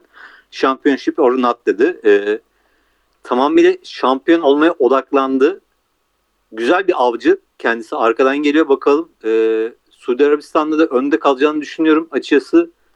Son yarışta bakalım neler olacak. Evet. Heyecanla takip ediyoruz. Biz yaşlılar Alonso podyumda olunca ayrı bir seviniyoruz. Kesinlikle. Sadece biz yaşlılar değil, Herkes. e, genelde Renault seyircileri, Fransa'nın geneli falan hepimiz seviniyoruz. Ya tabii ki güzel bir şey yani. İspanya'nın Bence %99'u. Tabii tabii. Hepimiz sevindik. Hepimiz. Herkes sol ön lastik patlattığı sebebi pist mimarisi mi denk mi geldi? Bu pist önden kaymaya meyilli bir pist. Ee, front limited olarak bahsettiğimiz yani aracın viraj yapısı açısından, pistin genel yapısından bahsediyorum. Arkadan kaymaya değil, önden kaymaya meyilli olduğu bir pistten bahsediyoruz. Ee, saat yönünün saat yönüne dönülen bir pist. Saat yönünün tersine dönülen bu tür bir pist olsaydı bu sefer de sağ ön tekerin zorlandığını görecektik. Çok daha fazla dönme açısına sahip, çok daha fazla döndüğü için ve çok daha fazla zorlandığı için e, virajların genelde sol tarafına doğru çıkıyorlar. Çünkü sağa dönülen bir pist olduğu zaman daha iyi bir derece çıkartabilmek için de zaten körpleri daha fazla sol tarafta kullanıyorlar. Birçok açıdan hem virajın virajların yapısı hem pistin yapısı hem de körp yapısı sebebiyle araçların sol ön lastiklerinin çok zorlandığını gördük. En çok sol ön lastiğin eridiğini gördük. Ufalandığını gördük. Ee, sebebi bu genel olarak. İlk e, ne? 3 tur kala. Gele, 3 tur kala gelen yarıştan 200 metre ötede yapılan vinçle araç çekme işlemi sarı bayrak mı? Ee, bunu ben söyleyeyim hemen hızlı hızlı. Ee, öncelikle sarı bayrağın geç çıkması zaten bence büyük. Yani sarı bayrak değil de daha doğrusu sanal güvenlik aracının e, çok geç yayınlanması zaten bir bence bir problemdi. Bunu zaten beraber de konuştuk. Yine karar geç alındı diye. Farkındaysanız iki yarıştır Serhan Acar e, bir şey yani eleştirmeye başladı bu kararları. Bilmiyorum farkında mısınız? Evet, Brezilya- evet. Brezilya'da da yaptı, burada da yaptı. Çünkü gerçekten dayanılmayacak bir hale geldi artık. Yani şöyle 3 tur kala hiç önemli değil. E, yarıştan 200 metre ötede de olması önemli değil. Çünkü orada milyonda bir bile bir otomobilin oraya gitme durumu varsa ki var o, o, o pozisyonda orada e, sanal güvenlik aracı ya da sektörün yavaşlatılması mecburi herhangi bir insan e, hatasından veya mekanik hatadan oluşabilecek bir durumda e, can kaybının ya da yaralanmanın önüne geçmek için. Patlayan lastiklerle ilgili mühendislerden daha öncesine uyarı gelmedi mi? Ee, biraz önce konuştuk zaten. Pirelli'nin kendisi iki pit stop yapın dedi. Araçların arkalarındaki stop lambalarının yanıp sönme aralığı neye göre değişiyor? Hiçbir fikrim yok. Buyurun. Özellikle bu DRS e, konusundan bahsettiğimiz zaman öndeki aracın bir saniye yakınına girdiği zaman otomatik olarak DRS'yi aktive edebildiğim bir sistem var ya aracın içerisinde. Bir aracı geçerken yaklaştığınız zaman veya işte e, o aracı önden yaklaştığınız, yani arkadan yaklaştığınız zaman ya da birisi size arkadan gelip yaklaştığı zaman e, otomatikman zaten bu lambanın daha fazla yanıp sönmesini tetikleyen bir sistemden bahsediyoruz. Normalde normalde de yandığını görüyoruz ama daha çok bunu tetikleyen şey araçlar birbirine yaklaştıkları zaman e, bunu tetikleyen bir sistem kullanılıyor. Peki Bottas yarıştan neden alındı? Bottas'ın aracında bir hasar oluştu değil mi Timuçin? Sen takip etmişsindir. Bottas bir tur 3 teker gitti. E, çakıl havuzuna girdi. %99 tabanına herhalde e, hasar verdi. Çünkü lastik değiştirdikten sonra o tempoyu tekrardan yakalayamadı. Aynı tempoyu yakalayamayınca e, Mercedes'e tekrardan onu daha fazla pistte tutmak istemedi açıkçası. Biraz beklediler. E, baktılar bir şey değişmiyor. Aracı e, emekli etme yani garaja çekmek daha mantıklı geldi. Çünkü şöyle bir durum var. iki yarış kaldı ve o araca maksimum performanslı ihtiyaçları var. Zorlamaya gerek yok. Ne motoru zorla, özellikle motoru zorlamaya ihtiyaçları yok. Bottas'ın olabildiğince Suudi Arabistan'da ve Abu- Dhabi'de zorlayıp yarışın içerisinde Red Bull'lar için ve özellikle Max için eee, durumları daha da zorlaştırmasını bekleyecekler. Yani 11. sıradaydı Bottas. Zorlamasaydı da, da bir şey yapamıyordu. Doğrusu buydu Mercedes açısından. Ya böyle bir e, sıkıcıydı, işte vasattı, keyifsiz diye yorumlar var. Buna ben direkt cevap vereyim. Yani Formula 1'i en sıkıcı bulan insanlardan biriyimdir genel anlamda. Böyle anlardan hariç konuşuyorum, bütününü konuşuyorum. Ama bu yarış bence o kadar da sıkıcı değildi. Ee, şeyde puan ortalaması ne çıktı? Bizim story'de attığındaki puan ortalaması. 7'ye yakındı. Ama 7'nin altındaydı. Yani 6.8 falan gibi görünüyor. Hani o şey yaptığımız. Ee, şu ana kadarki en düşük not aldı diyebilirim. Allah Allah ilginç ya. Ben de enteresan bir şekilde e, izleyecek daha çok şey buldum. Ya açıkçası ben şöyle söyleyeyim. Ee, hafta sonunun geneli güzeldi. Ama yarış evet çok da e, eğlenceli bir yarış değildi. Ama bu pistle alakalı pistin e, verdiği limitler doğrultusunda olacak şey yarış buydu zaten. Ki bence e, Perez'in atakları başlı başına yeterliydi eğlence. Yani en fazla eğlenceyi Perez'in atakları getirdi. Evet. Yani insan- Evet. Ya orada şöyle bir durum var. Genel olarak hani hayatımızda bazı şeyleri böyle gözümüzün ucuyla takip ediyoruz ya. Hani takip ediyoruz ama çok da böyle bir tutkuyla takip etmediğimiz, birçok şey var. Ee, o tarzla yaklaşan Formula 1'i o tarzda bir yaklaşımla izleyen insanlar için böyle çok büyük bir aksiyon olmadığı müddetçe, çok büyük bir kapışma olmadığı müddetçe özellikle liderler arasında, şampiyonu liderler arasında bu sefer tabii ki onlar için böyle bir durum ortaya çıkıyor. Bunu anlayabiliyorum ama tabii biz Formula 1'i sevdiğimiz için özellikle, yani ben kendi açımdan söyleyeyim. E, yarışın çok kötü geçmesi gerekiyor birçok açıdan. Gerçekten izlenmeyecek durumda olması gerekiyor. Öyle hani başladı ve işte 50 saniye fark açtı. Arkada da hiçbir şey olmadı gibi bir yarış olması gerekiyor. Ee, bunu anlayabiliyorum. Ya ya boş versene Brezilya'ya sıkıcı diyen vardı. Evet evet doğru. Öyle, öyle Neyse geç abi. Öyle yorumlar da geldi. Ferrari çift pit stopu gözlerimi yaşarttı. Valla o anda İtalya'da hayat durdu. Evet. Ee, insanlar tırnaklarını yedi. Ee, hükümet bir anlık kapandı. Herkes orayı seyretti. Ben de bence de bu arada e, Serhan Acar büyük şekilde- gaza geldi. hiç beklemediğim şekilde çok da güzel uygulandı bu arada. Ya Ferrari'nin özellikle Matteo Binotto öncesindeki dönemde pit tarafındaki teknik kararları problemli değildi, sorunlu değildi zaten. Biz Red Bull'un bu kadar yüksek operasyon kabiliyetini görmüyorduk. Hani şurada 4-5 yıldır çok yüksek bir operasyon kabiliyeti var pitte. Ferrari Alonso döneminde çok iyiydi. Fena değildi yani. Vettel'in ilk yıllarında iyiydi. O kadar kötü değildi. Ama sonra ne olduysa bir sürü şey yanlış gitmeye başladı. Ve çuvalladılar. Yani normali e, yaptıklarında Ferrari ölecek noktaya geldi. Bu onların geçmişteki yıllarda ne kadar kötü performans gösterdiklerini, ne kadar kötü pit yönetimi ya da işte oradaki elemanların çalışmaları anlamında, çalışanların performansları anlamında ne kadar kötü olduklarını gösteriyor. Verstappen bu yarışta aldığı en hızlı turla şampiyon olursa diye böyle Yılmaz Yuşa kardeşimiz bir yorum yapmış.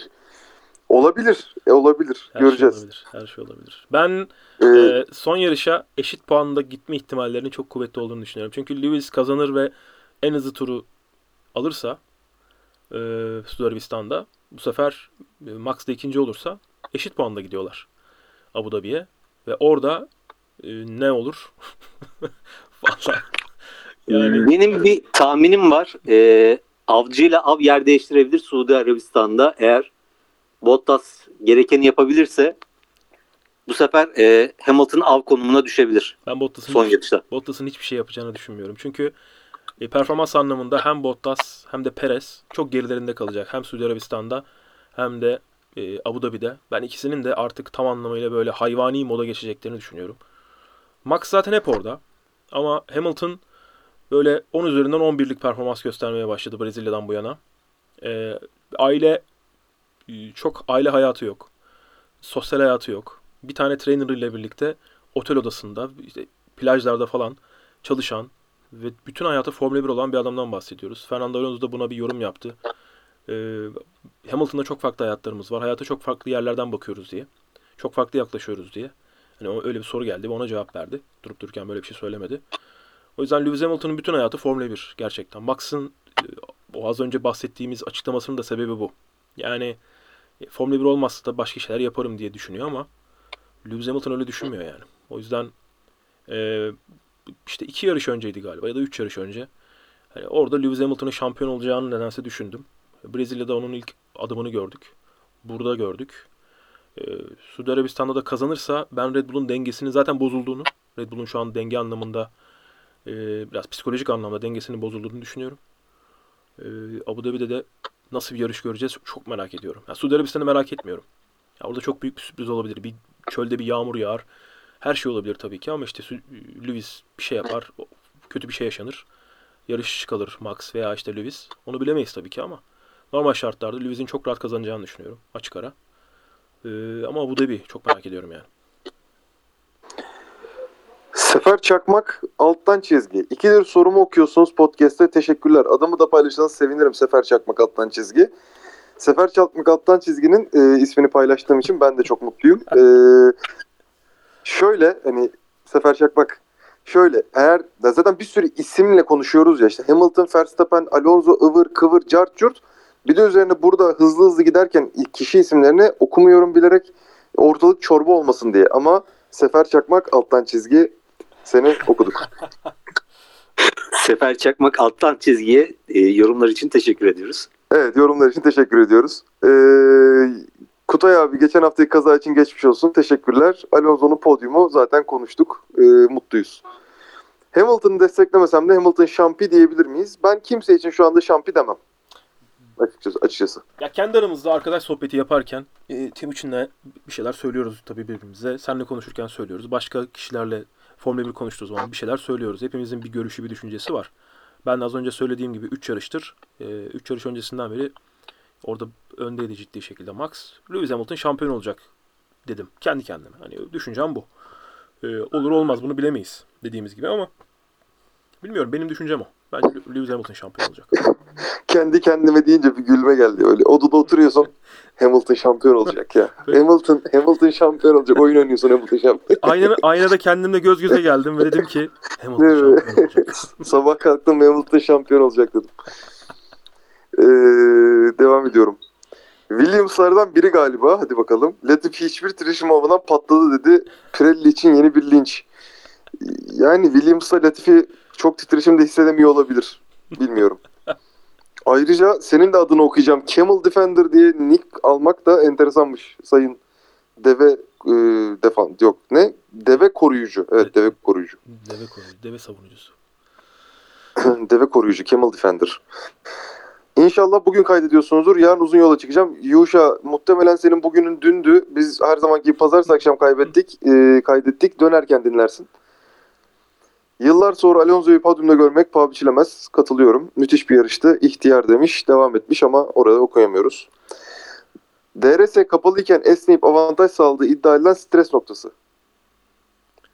Bu böyle çok mariyekiler kapağına çıkar bir Brezilya'ya geri döndük. madde olmuş yani. Stres noktasına ulaşmanın 30 yolu falan böyle. Eski mariyekilerciler bilir. DRS bildiğiniz gibi açılan kapanan bir sistem. DRS kapalıyken arkada alttaki ana planyanın al- alttaki o sabit e, tabakanın arka kanatta sabit kanadın oynadığını düşünüyor Red Bull takımı. Bu ispatlayabileceğiniz bir şey değil. Bunu göremiyorsunuz. Kaydedemiyorsunuz. Kamerayla, fotoğraf makinesiyle. Gözle tespit edemiyorsunuz. Sadece araçlar kapalı parkta durdukları zaman arkadan çekilmiş fotoğraflarda bu kanat esnediği için, arka kanat esnediği için o noktadaki esneme noktalarını görüyoruz.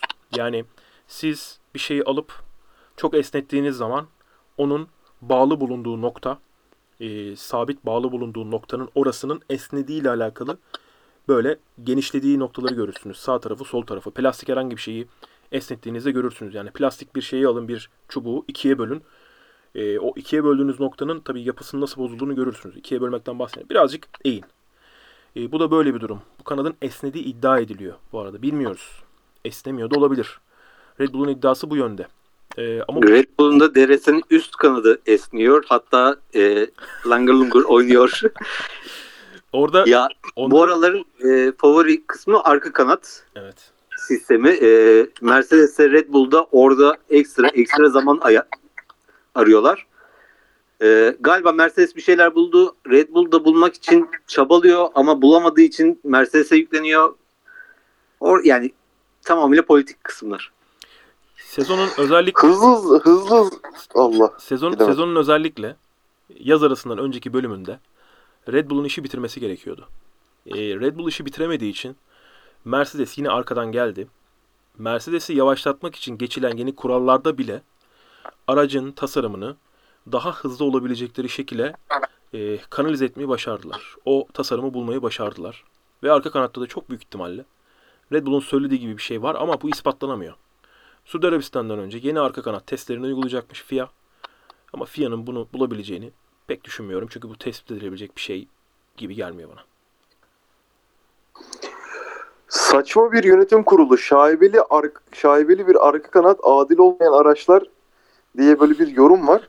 Bunu biraz daha uzatır arkaya da böyle bir müzik koyarsak bir film başlama sahnesi fragman olabilir. Yani e, var mı buna yorumumuz? BBC 2'de yayınlanan bir dizi vardır. Peaky Blinders diye. Peaky Blinders'ın başlangıç e, sahneleri böyle şeydir. İngiltere'de Birmingham, dıdıdım. evet İngiltere'de Birmingham'da 1920'li yıllarda geçen işte e, böyle bir nasıl söyleyelim serserilerin hayatı, gangsterlerin hayatı böyle başlangıç, onun başlangıç sahnesi gibi bir şey oldu. E, senin söylediğin şey. Yani Bak buradan da bak buradan da fanatik gazetesine gidiyoruz. hadi bakalım. Bir yorum gelmiş. Mercedes hata geçti bu saatten sonra bırakmaz. Yani böyle parçalı Güzel başlık. Ee, yani göreceğiz bu saatten sonra bırakır mı bırakmaz mı ona bakacağız. Körpler artık her yarışta böyle mi olacak? Hayır böyle olmayacak. Bu sadece Katar Grand Prix'sinin yapısına özel bir durum. Hamilton'ın TRGP'deki motoru kullanmasına rağmen bu kadar konuştuk. Alonso nasıl, nasıl podyuma çıktı anlamadım. Ferrari McLaren birbirini yerken Alonso reis e, koparttı gitti gibi bir şey geldi demiş. İşte Alonso da böyle bir adam. Podyuma çıkar anlamazsın. E, Renault bu hafta sonu Ferrari'den de McLaren'den de hızlıydı zaten. Hızlıydı hızlıydı. Ya zaten Hatta şey- Alfa Tauri de hızlıydı e, Ferrari ve McLaren'den. Evet, evet. Yani tamamıyla pistin e, o iki takıma uymasıyla alakalıydı. Şimdi burada e, ne izlediğini bilmediğim bir arkadaş var. Benzin ikmalinin verdiği stresi ve beklentiyi lastikleriyle veren Pirelli'ye teşekkürler demiş.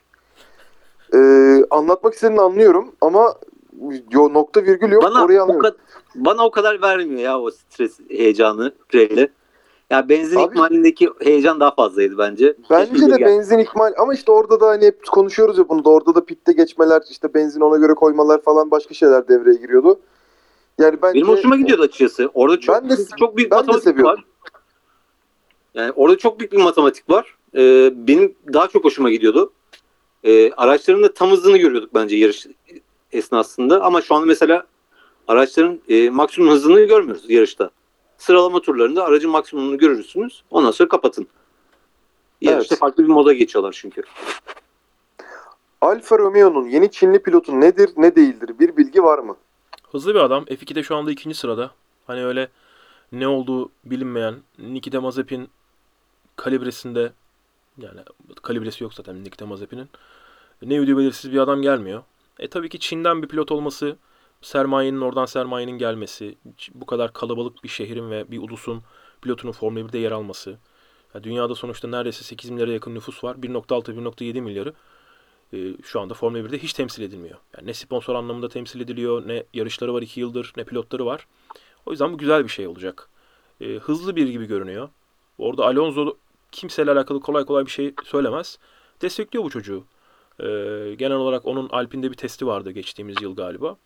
Ya da bu yılın başındaydı. O yüzden e, görmek gerekiyor. Şimdilik F2'de ikinci sırada ve yavaş bir birinden bahsetmiyoruz yani. F2 dediğimiz şey Formula 1'in destek serisi. Orada ikinci olmak önemli bir şey. Mick'in e, F1'e çıkmadan önceki senesinde o da e, F2'de yarışıyordu. Yani az çok böyle göz ucuyla o sene gördüğümde fena bir temposu yoktu açıkçası. Hı E, Tsunoda ayarında birisi geliyor diye düşünüyorum açıkçası. Ya uzak doğudan birilerinin olması güzel bir şey ya. Yani bu Japon olur, Koreli olur, Çin olur. Bir renk çünkü yani. O kültürün buraya gelmesi bence önemli. Red Bull ve FIA Checo'nun podyumunu yedi. Diğer yandan Merso Bottas harcadı. Merso Bottas'ı harcamadı. Bunu konuştuk. Red Bull ve FIA Checo'nun podyumu. Yani normalde evet e, yani Checo'ya şey dediler. Podyum cepte rahat ol dediler. Pek de öyle değildi. Ben de baktım Allah Allah dedim nasıl olacak falan. E, ama zaten yani FIA bir durum yok orada. Orada sanal güvenlik aracının e, uygulanması bence de mantıklıydı. Belki belki sadece sektörde sarı bayrak sallanması da mantıklı olabilirdi. Orada hakikaten ne diyorsunuz? Yani sanal güvenlik aracı mıdır doğrusu? Sektörde bayrak Doğrusu sanal güvenlik olarak söylüyorum. Çünkü Japonya'daki kazayı, ölümlü kazayı hatırlayın. Hı hı. Ee, sarı bayrakla o operasyonun yönetilemeyeceği çok açık bir şekilde Japonya'da gözüktü. Ee, Hı. bundan sebep sanal güvenlik aracı en hızlı müdahale kısmıydı bence. Ya orada Nikita Mazepin olabilir. Lance Stroll olabilir. Yani hani arkadan gelen bir pilot kontrolünü kaybetti ve gitti oraya patladı. Bu imkansız mı? Hayır. Milyonda bir bile olsa ya söyledik zaten Evet. bunu. Milyonda bir bile olsa Bu bunun önleminin alınması lazım. Burada kriter şudur. Pistin e, kesinlikle insanın bulunmaması gereken bölümünde. Kaçış alan yani pistin kaçış alanları da piste dahil. Bu anlamda operasyon anlamında. Oraya eğer insan girmek durumundaysa çünkü o aracın oradan çekilmesi gerekiyor. O aracı oradan çekilecekse eğer vinçin girmesi gerekiyor. Eğer oraya vinç girecekse insan bir şekilde o araca o vinçin ipini bağlayacak aracın üstüne. O yüzden mutlaka ama mutlaka bu operasyon yapılacağı sırada sanal güvenlik aracına girilmesi, geçilmesi gerekiyor zaten. Bu e, soru işareti olan bir durum değil. O yüzden sadece erken çıkması gerekiyordu. Hemen o araç kenarda durdu mu? Durdu. Pilot bu araçtan çıkmak durumunda değil mi? Ya, pilot bu araçtan çıkacak. O zaman bizim burada hemen sanal güvenlik aracını çıkartmamız gerekiyor. Hemen vincin hızlıca gelip çıkartması gerekiyor ki yarışın sonunda böyle bir iki tur, üç tur gazlayabilsinler. Sadece sanal güvenlik aracı geç girdi. Yoksa karar yanlış değildi. Katar ile alakalı değil ama deniz veya toprağın MotoGP'ye çıkma ihtimali var mı? Podcast'ın başında anlattık ama MotoGP'ye çıkmak değil MotoGP'ye geçmek olur toprak için bu. Ee, bu da konuşuluyor. Ee, sanırsam da olacak. Kısmet. Deniz'in biraz daha zamanı var. Kısmet diye. Onu söyleyebiliriz. Ee, bakıyoruz. Her Grand Prix'e özel duvar kağıdı paylaşsan süper olur. Bence her e, ne diyelim e, Türkiye Tırmanma Şampiyonası yarışı için duvar kağıdı paylaşalım. Böyle diyorum ben. Ne dersin Apo? Yani e, Formula 1 ile alakalı daha derli toplu paylaşımlar yapabilmek adına e, kafamızda düşünceler var kendi adımıza. Bakalım. Bu eğer bunu yapabilirsek zaten o zaman takipçiler de görecek. Ben bu kadar ciddi bir cevap beklemiyordum. Şaşırdım. Devam ediyoruz. Lewis, Lewis'in aracı neden bu kadar hızlı farklı anlattık. Anlattık. Bottas anlattık. E, lastik hasarları nedeni Pirelli'nin sert hamur tercihi olabilir mi? Değil. E, pistin şey yapmış anlattık. Heh. Kıvılcım olayını anlatsana ya artık. Anlatsan ya artık. Bir- Abi niye bu tepkiyi sen sordun biz anlatmadık mı? Zarar vermiyor mu araca? zarar vermiyor mu araca ya da asfalta? Buyurun. her her kıvılcımlı yarışta özellikle sorulur. Çok fazla soru gelir yarış hafta sonlarında. Yarış hafta sonlarında yüzlerce mesaj geldiğini atlıyor takipçiler. Ee, onların hepsine teker teker cevap verilmek mümkün değil. Hani özellikle teker teker hepsini açıp bakıyorum ama e, cevap vermek, yazmak ona falan yani hepsine bir 30 saniye harcasan böyle sadece birkaç saat onlara cevap vermek gerekecek. O yüzden bu pek olabilecek bir şey değil. Aracın altında bir e, ahşap tavan var. E, dikdörtgen ve uzun. Yani işte bilgisayar klavyesini düşünün. Bunun çok uzun olanını düşünün. Aracın en arkasından eee, pilotun ayaklarını uzattığı bölümün altına kadar gelen dikdörtgen bir ahşap taban var aracın altında. Aracın altını koruyan şey o. Yani o karbon yapının altına koyulan aracın altını koruyan yapıdan bahsediyoruz. E, tahta plakadan bahsediyoruz. Bu tahta plakanın en ucunda e, ince dikdörtgen titanyum bir plaka var. Bu titanyum plakanın olduğu bölge piste temas ediyor. Ve ön kanatın önünde hem ortasında hem de sağ ve sol taraflarında dört tane hani işte orta büyüklükteki cep telefonu büyüklüğünde dört tane plaka var. Hem kanatların ucunda alt tarafta yani kanadın altında hem de orta tarafta ikisi yan yana. Bu titanyum plakalar yere e, aracın sürekli kanadının esnediğini ya da aracın virajdan viraja geçerken, körpten körbe geçerken aracın önündeki bölümün, tabanın en öndeki bölümünün yere sürttüğünü zaten biliyoruz. O sürtme anında kıvılcım çıksın diye tamamen seyirciler, televizyon yayını ve görüntü için yapılmış bir şey bu. Bu piste zarar veren bir şey değil. Körpleri birazcık zedeleyebilir ama körplerin zedelenmesi de çok önemli bir şey değil. O yüzden bu tamamen görsel için, görüntü için yapılan bir şey. Ve bu kıvılcımlar bu şekilde çıkıyor. Kıvılcımları da konuştuysak devam ediyorum. Hep böyle paylaşın diye bir şey gelmiş. O hep böyle hep böyle paylaşın konusu bu hafta sonu video paylaştık ya. İşte start, şu oldu, bu oldu. Ha ona. Bazen paylaşıyoruz, bazen paylaşmıyoruz. Acaba paylaşmadığımız hafta sonları neden paylaşmıyoruz? Neden paylaşmıyoruz? E, bir e, yayıncı ile anlaşma yaptığın zaman tabii ki o hafta sonu görüntü paylaşmamak gerekiyor. Evet çok mantıklı. bu dakikaya kadar in- dinleyen birisi için bunu söylemiş oldum. Yani saygısızlık olur çünkü. Ee, ve günün kazanan Alonso bence de. Ee, vasat boşu işte izlemiş gibi hissediyorum. O kadar da değil ya. Ben ama genel olarak Galatasaray maçlarını izledikten sonra aynısını hissediyorum. Fenerbahçe derbisinden bağımsız. O, o yüzden olur yani izlenir. Ee, Bottas tek bit oynamasaydı yükseklerde bitirirdi bence. Çok uzun süre geride. Ya Bottas'ın şey çok acayip değil miydi? Bak onu konuşalım. Ee, 13-14 tur geçemedi geçemedi geçemedi. Toto'nun e, hadi bunları geçelim gibi bir de- şeyini duyduk. Telsiz mesajını duyduk. Bir anda böyle haydi bakalım deyip onu geçti onu geçti onu geçti. Aynen aynen yine de canlanıyor aman müziği eşliğinde. Allah Allah hani madem yapabiliyordun neden bunu bekledin? Çok gerçekten anlamsız geldi bana o, o sekans. Ya orada işte Bottas kafa olarak rahat. Gerçekten kendini iyi hissettiğinde e, gazlıyor, gidiyor. Ya bu yarışta Bottas'ın önündekileri geçebilmesinden zaten Mercedes'in genel olarak performansının ne kadar yüksek olduğunu anladık. Bunu grupta da kendimiz yarış sırasında konuştuk. Çünkü biliyorsunuz Bottas önde olmayı başarmışsa eğer iyi bir yarış ortaya çıkartıyor zaten. Ama arkalarda kalmışsa yani ortalarda kalmışsa o kirli hava yönetimi konusunda iyi değil. Özellikle bu kirli hava konusu hepinizin bildiği üzere e, virajlı bölümlerde öndekini takip etmenizi zorlaştırıyor ve düzlüklere yani geçiş yapacağınız noktalara bir türlü öndekine yaklaşamadan e, geliyorsunuz, çıkıyorsunuz. E, Bottas bu hafta sonu hızlıydı yani Mercedes'in hızlı olduğunu gördük bu hafta sonu. Bayağı e, geçiş yapabildi. Hani Bottas'ın hızlı olduğu hafta sonu da tabii ki Mercedes'in Hamilton'la birlikte ne kadar hızlı olduğunu gördük ama yani bence gerçekten Mercedes çok hızlı. Lewis çok hızlı. Max'ın ben performansının etkileyici olduğunu düşünüyorum. Birazcık hani arkasında kalıyormuş gibi geliyor Mercedes'e insanlara. E, Mercedes'in arkasında kalıyormuş gibi geliyor ama bence şu anda Mercedes'in aracı zaten çok hızlı. E, Red Bull'dan hızlılar ve Max elinden geleni yapıyor. Ancak bu kadar oluyor. O yüzden bence Max limitinde zaten. Hani hakikaten maksimumda şu anda Max. E, daha yani bu aracın daha üstü yok.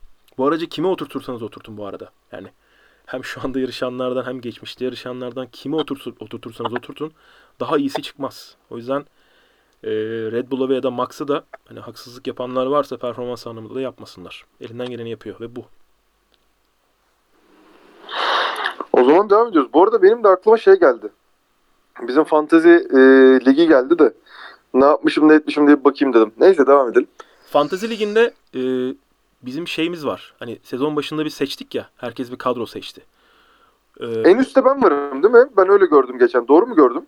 kendi kurduğun kadroda yani kendi değiştirdin galiba sen böyle sezon içinde bir iki kere. Yanlış mı biliyorum? Bir, bir iki, bir, evet, evet, bir iki kere değiştirdim. Ha bir iki kere değiştirdiğin o şey yukarıda yani kendin açtığın hesap. Tork'un hani üç tane hesabı var ya orada. Ee, bir tanesini sen, bir Evet, tanesini ben, bir tanesini. Orada ben, yani sezon sezon başında ilk kurduğumuz bir şey var. Üçümüzün sonra ona hiç dokunmadık. Takımlar var. Ha takımlar. Sonra ona hiç dokunmadık. Ee, sen kendi kurduğunda, kendi açtığında daha yukarıdasın. Hepimizden daha yukarıdasın.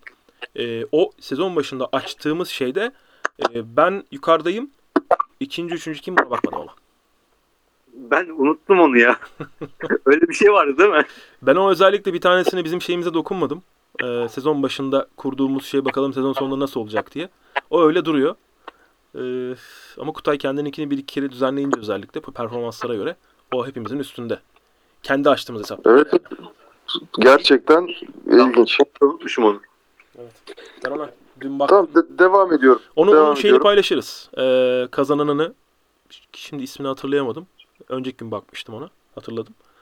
Ve aklıma geldi. Bakalım. Tamam dur devam ediyoruz. Bir sorular kapandı. Tekrar açtım. En son nerede kalmıştık? Buralarda. Ee, Bottas tek bir oynamız onu konuştuk galiba. Orayı konuştuk. Ee, Tarinen der ki Katar Milli Marşı mı Cebelik Tarık Milli Marşı mı? Zor bir soru. Ee, ben Cebel Tarık'ı seçeceğim galiba. Çünkü son dinledik, çok beğendik. Ben Cebel Tarık üzerinden devam ediyorum. Kocaeli Rallisi'nde pazar akşamı e, pardon pazar ak cumartesi akşamı biz cumartesi günü geçtik. Pazar değil, cumartesi. Evet. Ya cuma ya cumartesi. Evet, önce- Cumartesi, cumartesi. Evet, cumartesi. Önceki hafta sonu Timuçin'le birlikte Kocaeli Rallisi'ni takip etmeye gittik. Zaten biliyorsunuz. Hikayelerden görmüşsünüzdür. Ve orada akşam oturduk işte dördümüz sohbet muhabbet ediyoruz ve tam olarak milli maçın olduğu akşamdı. Cebeli Tarık Türkiye milli maçının olduğu akşamdı. Ce- Cebeli Tarık milli marşı çaldı orada.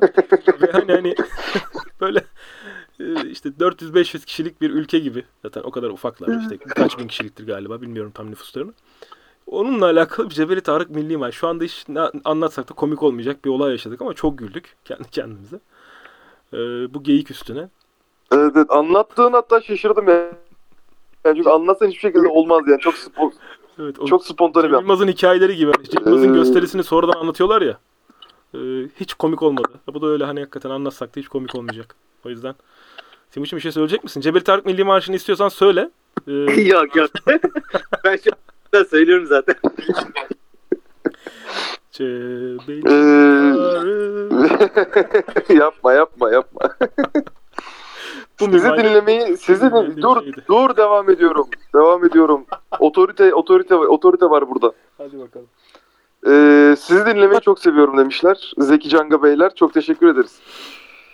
Ee, böyle daha böyle hızlı sorular sorular. Çünkü yine bir buçuk saati vardık galiba. Alfa Tauri'nin bu kadar geride bitirmesi master planın bir parçası mıydı? Haydi bakalım. Neyin master planı? Ya şimdi tek tur performansı Form, tek tur, Formula 1'de de 5 tane aile var. Formula 1 onlar yönetiyor. tek, tur, tek tur performansı ile yarış performansı bir aracının çok farklı bir şey. Ee, çünkü iş genel anlamda zaten lastik yönetimiyle alakalı bir durum Formula 1'de. Ve lastik yönetimini tek turda baş- başarabilmek. Yani siz e, sıralama turlarında hızlı turdan önce piste çıktığınızda ideal sıcaklığı yakalıyorsunuz ve bir tur maksimum e, orada gazlıyorsunuz ve gerçekten o aracın tek tur performansını görüyoruz ama bunu uzun bir periyotta 20 tur, 30 tur, 40 tur ne olacak? E, bunu çok fazla hesaplayabileceğiniz bir şey değil. Ya bunu az çok simülasyonunu e, Q2'de yapmaya çalışıyorlar. E, Q3'te yapmaya çalışıyorlar. Bulmaya çalışıyorlar bazı ayarları. E, yani şöyle bir bilgi verelim. Katar'da ilk antrenmanla sıralama turları arasında, pardon ilk antrenmanla üçüncü antrenman arasında %30'luk bir yol tutuş artışı yaşanmış. Yani aslında zemin ne kadar e, yol tutuşun kötü olduğu bir durumdaymış. E, yarıştan önce ya da bu araçlar buraya gelmeden önce zaten. O yüzden işte bazı yerlerde Alpine'in çok hızlı olduğunu görüyoruz mesela. İşte bazı yerlerde Ferrari çok hızlı oluyor. Bu sefer e, işte McLaren geride kalıyor falan.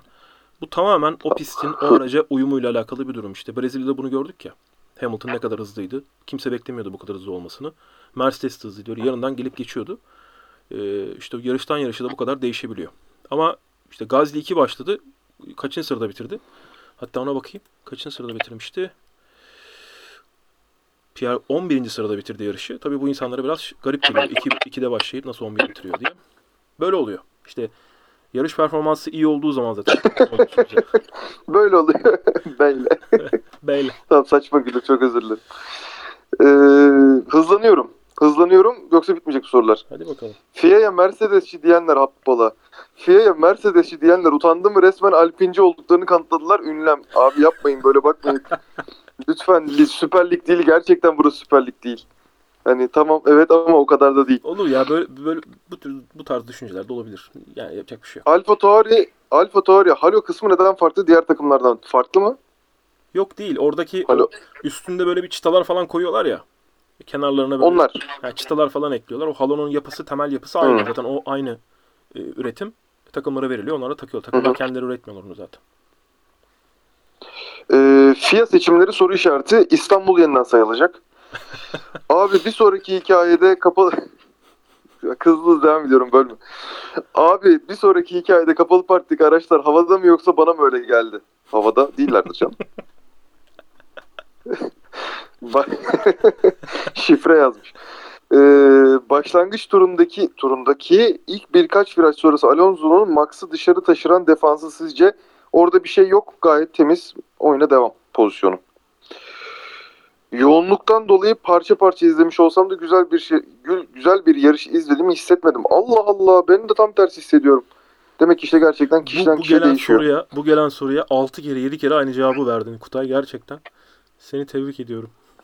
Ama şaşırıyorum normalde çünkü insanlar böyle vay üy falan derler ben çok sıkıldım derim. Tam tersi oldu çok şu anda şaşırıyorum buna. Beklentim farklı demek. Ee, Mercedes çok hızlı gönlüm verse benden yana ama Lewis çok hızlı. bir tane gazete vardı postaydı galiba aynı böyle şiirler oluyordu o gazetede. Ee, Lewis Brezilya'dan sonra kendine geldi. Max ise gözümde muhteşem bir çaylak. Lewis'in çaylaklık diye devam etmiş. Artık 7. 7. yılı Max'ın. Çaylaklığı kalmadı Evet. artık. Hani çaylaklık değil. Evet. Ee, birçok tarihteki birçok e, pilottan emekli oldukları yaştaki yarış kadar yarışı çıkmış. E, hatta şöyle bir istatistik var. Nico Rosberg'in toplam e, podyum sayısını geride bıraktı. Nico Rosberg 31'de falan emekli oldu. Yani düşündüğümüz zaman 30'da ya da 31'de emekli oldu. Düşündüğümüz zaman aslında e, hiç öyle bir durum yok. Çaylak falan değil yani. Geri kalan sorulara baktım. Aa şuna şunu da şey yapayım. Sanal güvenlik aracını Perez Alonso'yu geçmesin diye çıkarmış olabilirler mi? Gerçekten Formula 1 böyle bir şey değil.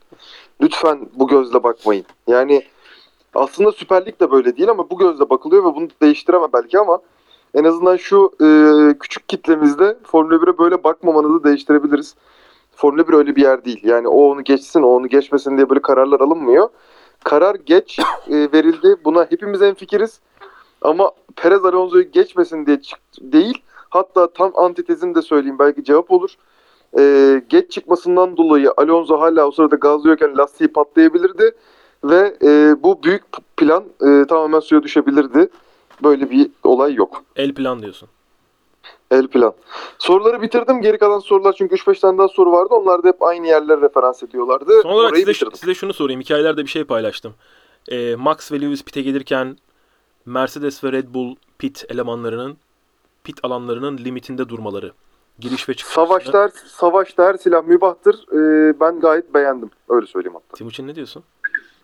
Ben yarış içerisinde e, oradaki kişileri gördüm ama o kadar e, net bir şekilde yolun üzerine doğru kaldıklarını fark edememişim. Senin fotoğrafını da e, gördüm. Ya baya baya bıçakları farklı bir şekilde bilediler iki tarafta. Yani birbirlerine zaman yani milisaniye bile kaybettirecek her şeyi yapıyorlar. Yaptıkları bence hiç doğru değil. iki tarafında. E, saçma bir hareket. Ya şimdi ne olursa olsun hangi spor için hangi başarı hedef olursa olsun yani orada bir insan hayatının ya da bir insanın sağlığının herhangi bir şekilde tehdit edilebileceği e, ihtimali üzerinden bir strateji kurmak çok saçma. Formula 1'de ne tartışmalar, ne kapışmalar, ne mücadeleler gördük. Ama hiçbir takımın birbirleriyle karşılıklı böyle çok ucuz bu. Yani bu çok ucuz. E, bu, bunu hangisi daha önce yaptı? Hani çünkü bu, buraya da gider iş. Ya onlar önce yaptı falan. Abi buna gerek yok. Sen aynı şeyi yaptığın anda kimin önce yaptığının önemi kalmıyor. E, o yüzden bu çok ucuz bir hareket. O kadar ucuz bir hareket ki. Yani hiç hiç geldiği noktayı sevmiyorum bu işin. Hiç hoşuma gitmiyor. Çok çirkin ar- artık. E, Toto'nun yaklaşımı çok çirkin. Christian Horner'ın yaklaşımı çok çirkin. E, Max'a ve Lewis'e helal olsun ikisine de. Yani onlar ellerinden geldiğince temiz tutmaya çalışıyorlar. E, bütün e, pist üstünde olabilir her şey yani. Bu, bu olur. Yani Lewis Hamilton gitti Brez- şey İngiltere'de dışarı attı Max'ı. E, Max da bir şeyde e, savundu. Çok sert savundu. Olur. Pist üstünde olur. Çünkü araç birbirine çarpacak. Ya, bir- ve bir araca çarptığın zaman sana da bir şey olabilir. E, ama dışarıda yani düşünme şansın yok pist üstünde. Anlık bir karar veriyorsun. Orada bir anlık kararla bir Formula 1'in kokpitine oturduğunda o kadar dar bir ha- hareket kabiliyetin var ki orada o karar veriyorsun, uyguluyorsun falan bir sürü parametre var. Direksiyonun üstündeki bir şeylerle oy- oynuyorlar. İşte arkadaki pilotu var, öndekini kontrol etmeye çalışıyor. Başka şeyler bir sürü. Ama dışarıda böyle bir soru soruluyor ona. Direkt işte e, mikro, mik- mikrofonu uzatıyorlar. Abuk subuk bir cevap, cevap veriyor ona. Ya verilmeyecek en böyle hani buna ne demese olmaz. Hakikaten bunu demesen olmaz zaten. O kelimeyi buluyor. Oradaki bir tercih. Sen o tercihi yapıyorsun. Pist üstünde başka bir şey. Anlık bir karar veriyor pilotlar. Kim olursa olsun. Ee, o yüzden yani çok ucuz bu. Orada e, Max girerken lastiğini patlatmış oldu. Bir şey oldu. Yani orada kontrol kaybedebilirsin girerken. Gitti Max'ın sağ arka tekeri oradaki adamın bacağına çarptı. Ne olacak abi? O andan itibaren ki vay velayı düşünebiliyor muyuz abi? Çıkarken Lewis hani eskiden F1 araçları çıkarken böyle yanlayarak çıkarlardı. Yanlarken Lewis gitti. Asla bu, bu adamlar böyle kasıtla bir falan böyle bir iş yapmazlar onu söyleyeyim kesinlikle. Yani hiç hiç en kötü düşünen adam yani F1 tarihindeki en çirkef pilotu düşünün. O bile yapmaz böyle bir şeyi. Kontrolü o anda aracın arkası hafif kaydı ve gitti Red Bull elemanına kenardan bacağına çarptı. Ya bunu yapmaya gerek var mı? Bu çok çirkin yani. Çok çirkin bu iş. Bunun yapılmaması gerekiyor. Ve umarım bundan vazgeçerler. Ya bundan birisi zarar görebilir. Yani her şey olabilir. Oradaki e, elemanlara da takım elemanlarına da helal olsun. Gidiyorlar orada köşede duruyorlar yani. Hani abi bana çarpar derim yani. Niye böyle bir şey yapıyoruz? Yanlış bu yapmayalım ama. Ayıp bence. Genel olarak bu şampiyona bir geride kalsın ve e, bu sene böyle bir tansiyonlar düşsün. Çünkü gerçekten e, kaybeden kaybetmeyi bilmiyor. Kazanacak olan e, geçmişte defalarca dört kere Fetel'le kazanmış olmasına rağmen e, kazanmayı bilmiyor. İki tarafta böyle takım yönetimleri çirkefleşti. Hoş bir noktaya gitmiyoruz. Ama hem Lewis'i hem Max'ı tebrik ediyorum. Sakin kalmayı başarıyorlar. E, sağ olsunlar o konuda. Önümüzde iki yarış kaldı. O yarışlardan sonra da konuşacağız. Ama geçtiğimiz hafta sonunun bir şampiyonu daha belli oldu. Dünya Rally Şampiyonası'nda kariyerinde 8. kez Sebastian Ogier gerçekten Dünya Rally Şampiyonası tarihinin toplamda 17 şampiyonluğuyla iki Sebastian'ından biri olarak eee 8. Dünya Şampiyonluğuna ulaştı ve tam sezon takip etme serisi galiba artık sona eriyor. Zaten kopilotu bıraktı. Eee, burada sözü ben kutuya vereyim. Hem önce bir, bir Oje değerlendirmesi yap. Yani genel bir bu adama e, bakışımızla alakalı. Bu tarafı sen konuş. Sebastian Oje nasıl bir adam? E, kariyeri, yeteneği, kabiliyeti, gerçekten çıktığı seviye, e, devamlılığı, hızı, e, işte kopilotunun durumu, işte kariyerin devam etmeyecek olması, Sebastian Ogier'in geleceği. Bir önce bir Sebastian Ogier'i bir değerlendir abi, sonra bu sezonu konuşalım. Ee, Sebastian Ogier şöyle girdi hayatımıza. Hani oradan gireyim özet geçeyim. Ee, bir önce Rally Özel Podcast'inde de hani daha detaylı konuştuk diye hatırlıyorum. Ee, Sebastian Loeb'ün domine ettiği senelerde e, Sebastian Ogier'in geldiğini biliyorduk. E, alt serilerde yarışıyordu. Çok hızlı olduğunu da duyuyorduk. E, izlediğimiz yarışlarda bunu görüyorduk ama tabii ki VRC'ye çıkmadan ne yapacağını bilemiyorduk ama özellikle Skoda Super 2000'i ciddi anlamda başarılı bir şekilde kullanıyordu. Sonrasında VRC'ye adım attı. E tabii ki her VRC'ye çıkan pilot gibi birazcık sallantılı ilk başta e, kariyeri başladı ama sonrasında özellikle Volkswagen'le beraber, Volkswagen'e geçmesiyle beraber e, domina, dominasyonla başladı. İlk başta Volkswagen çok hızlıydı. Ee, çok hızlı yani otomobil gerçekten bambaşka bir şey bir hızdaydı ama e, orada da hani o zamanki en büyük rakibi Latvala vardı. Latvala hiçbir zaman Ogier kadar e, ne derler ona hatasız bir pilot olamadığı için Ogier kolay şampiyonluklar kazandı. En azından dışarıdan bakıldığında kolay şampiyonluklar kazandı diyebiliriz. Fakat Volkswagen'in e, o zamanki e, dizel skandalı mıydı? Ne, ne, ne, ne diye geçiyordu o skandal? Dieselgate skandalı abi.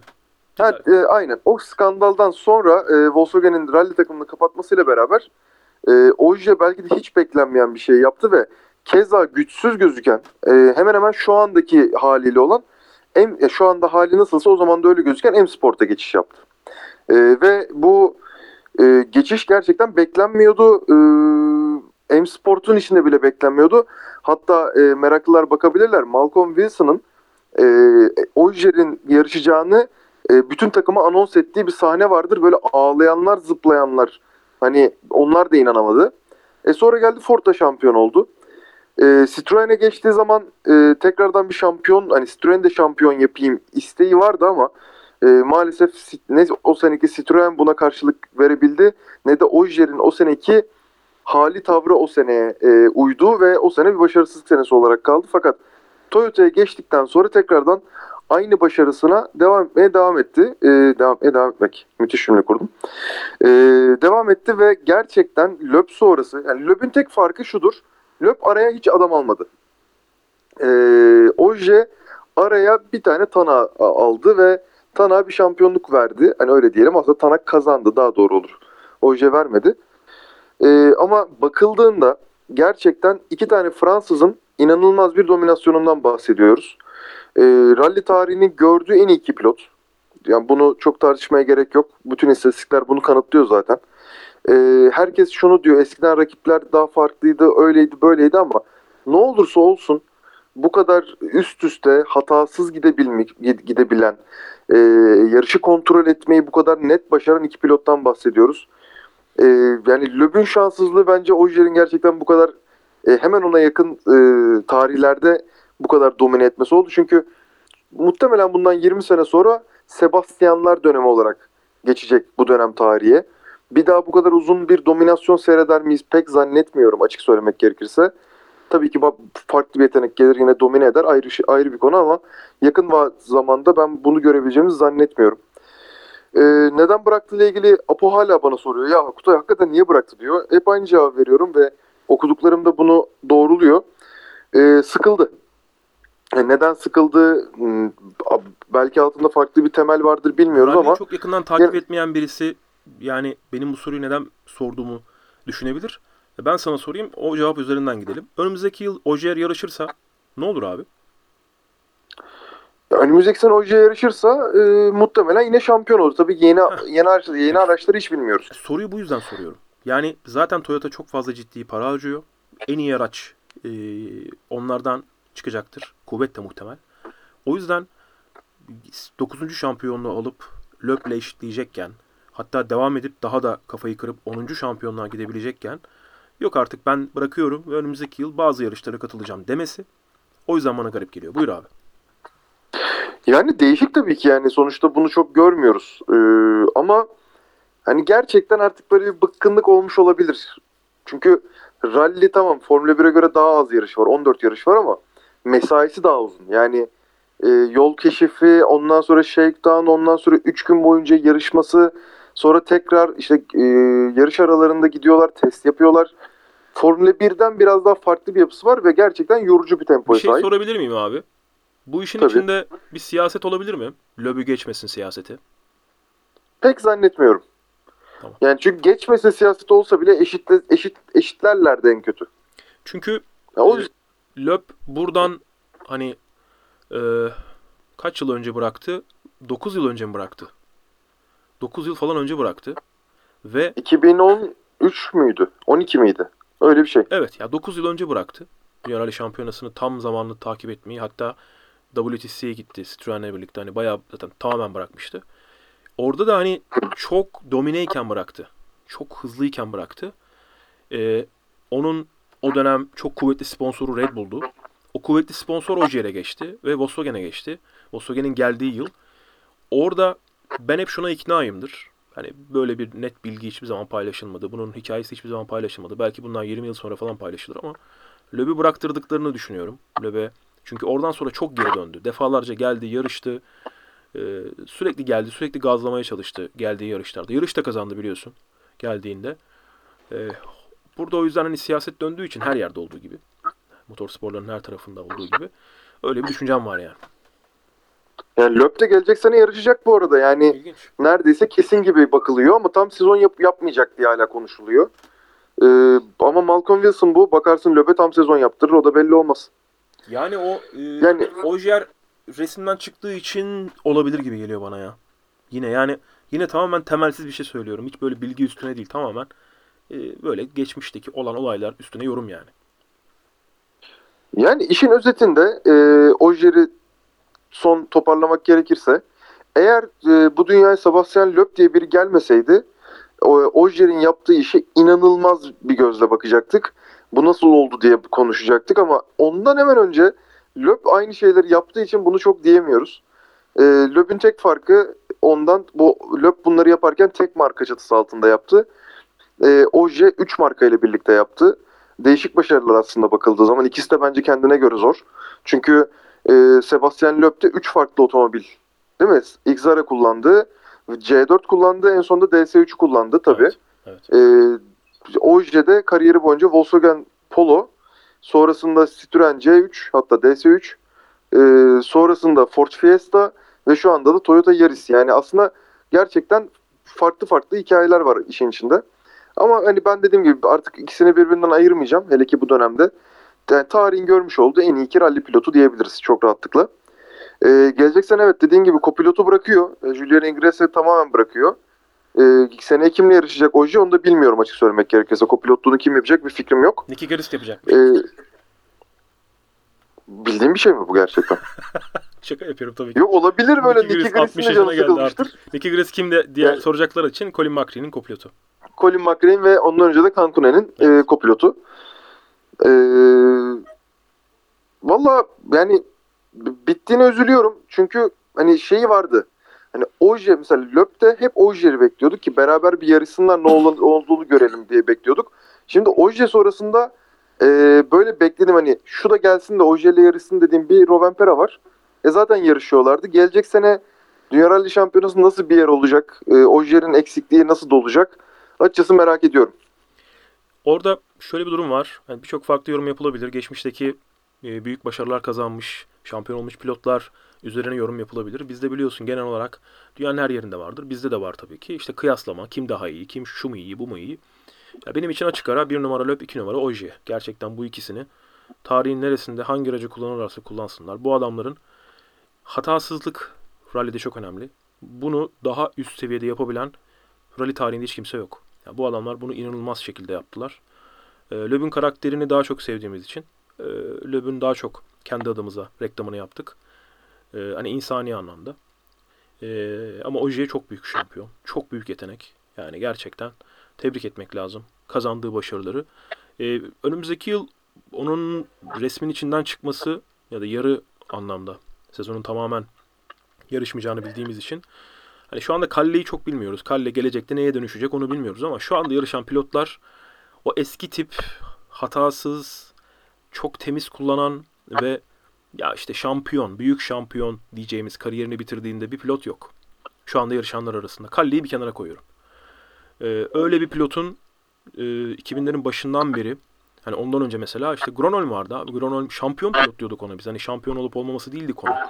Şampiyon kumaşı vardı adamda. Ee, önce Sainz'da vardı bu kumaş. Makri'de vardı bu kumaş. Makinen'de vardı bu kumaş. Ama şu anda yarışanlarda hani aralarında mesela işte şampiyon olmuş da var Ottanak ama hiçbirine böyle bir şey diyemiyoruz. Ee, o yüzden Ogier'in çıkışı, spordan gidişi e, bu açıdan önemli. Bakalım hani arkadan gelen pilotlar böyle bir şey getirebilecekler mi? Böyle bir şey taşıyabilecekler mi? Ee, potansiyel ona anlamda Kalle de var. Yani Evans geçen sene ve bu sene şampiyon olma şansı vardı ama özellikle geçtiğimiz yıl son yarışta e, şampiyonluğu neredeyse hediye etti. Orada yaptığı hatada. E, bu yılda çok yakın seyrettiler. Ama yine Oji'yi hak ederek, sonuna kadar hak ederek şampiyon olmayı başardı. Bu yılın bir hikayesi var mı? Sen de. Bize bir bu yılı bir özetle. E, ne oldu bu yıl? Yakın bir takip oldu mu yoksa e, çok mu koparıp erkenden bitirdiler? Toyota takımı olarak. Ya Toyota takımı erkenden kopardı diyemeyiz ama Hyundai hep problemler yaşadı. Ya bu yılın genelinde e, şunu söyleyebiliriz. Toyota e, Rovanpera hızlı başladı. Yani hmm, bir dakika, toparlayamadım bir dakika. Şöyle toparlayalım. E, Rovanpera çok hızlı başladı. Rovanpera'nın şampiyon olamayacağını aslında biliyorduk ama daha buna hazır olmadı ama çok hızlı başlayınca bir acaba mı dedik. Sonrasında e, Rovanpera'dan e, ani hatalar geldi. E, Tanak benim yine favorilerimden biriydi. Tanak yine her zamanki dominasyonunu gösterdi. Fakat ve lakin otomobil dayanmadı. Bu sene gerçekten büyük şanssızlıklar yaşadı. O da oyundan e, iptal oldu. Növil hani her zaman bildiğimiz Növil. E, hatalar ve e, belirli şanssızlıklar yakasını hiçbir zaman bırakmıyor. E, o da resimden çıktıktan sonra iş en son yine e, birkaç senedir gördüğümüz üzere Oje ve Evans'ın üzerine düştü. Ee, geçen sene bil- bilen, bilmeyenler için tekrar söyleyeyim. Evans e, çok şanssız bir kaza yaparak Monza'da e, Ogier şampiyonluğu verdi. Yani o zaman da anlatmışım yine anlatayım. Evans'ın önünde bir otomobil olsun olsa Evans ilk start almıştı. Bir otomobil olsa Evans'ın kaza yaptığı yerde aynı şekilde kaza yapacaktı ve Evans'ı yavaşlatan bir pilot olduğu için e, ya da hakem olduğu için Evans orada kaza yapmayacak ve muhtemelen şampiyon olacaktı. Ama e, ilk giden Evans olduğu için kazayı Evans yaptı ve Oje şampiyon oldu. Yapacak hiçbir şey yok. E, bu sene de yine son yarışta Evans ve Oje'nin Oje'ye kaldı olay. Son hatta 2-3 yarıştır bu durumda gidiyor. E, ama Oje buralarda çok tecrübeli. Genelde hata yapmıyor. E, ve hani şöyle şu olması gerekiyordu. En düzünü söyleyeyim tam böyle değil ama Oje yarış kalacak Evans da kazanacak. En düzü bu. Tam tam olarak böyle değil ama e, bunun da olmayacağı genel olarak bilinen bir şey. Tabii ki rally bu herkes kaza yapabilir ama genelde Oje çok zor yapar. Ee, bu sene geçen sene daha keyifliydi bence. Bu sene o kadar keyifli gitmedi ama yine de e, Kenya'nın katılmasıyla e, işte rally tekrardan Akropol'ün katılmasıyla keşke biz de takvimde olsaydık ama bu sene takvimde yoktuk. Hani fena olmayan bir rally sezonunu geride bıraktık diyebiliriz ama benim genel şeyim 3 otomobil, 3 marka gerçekten e, bir yerden sonra sıkıcı hale gelmeye başlıyor. Hani 4 çok daha güzel olur. İnşallah bir dördüncü markayı da bulurlar ve VRC'ye getirirler. Hatasızlık diyoruz. Hani Ogier'i özellikle düşündüğümüzde Volkswagen yıllarında Monte Carlo'da yaptığı bir kaza var ya bariyerlere giriyor. Ee, o kazayı herkes hatırlar. E, rally'yi yakından takip edenler. Hani Ogier dediğimiz zaman aklımıza bu upuzun kariyerde bir tek o geliyor. Ee, ama diğer pilotların, diğer birçok pilotun o kadar çok kazası var ki Tanak dediğimiz zaman bir sürü kaza geliyor aklımıza. İşte ne bileyim Latvala dediğimiz zaman birçok kaza geliyor aklımıza gibi.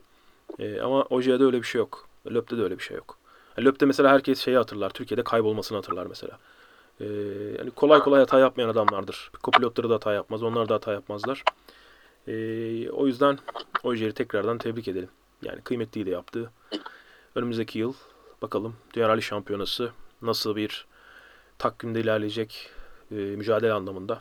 Bunu da takip edip göreceğiz. Önümüzdeki hafta sonu Türkiye Rally Şampiyonası'nın son ayağı var değil mi? E, Aynen öyle. Pardon, Ee, orada Türkiye Rally Şampiyonası. orada şunu dedim. Rally Şampiyonası'nın son ayağı var değil mi Kutay? Evet, Rally Şampiyonası'nın e, son ayağı var. E, İstanbul Rally'si önümüzdeki rally benim şahsen en favori rallimdir. Yani bu yıllardır pek değişmez.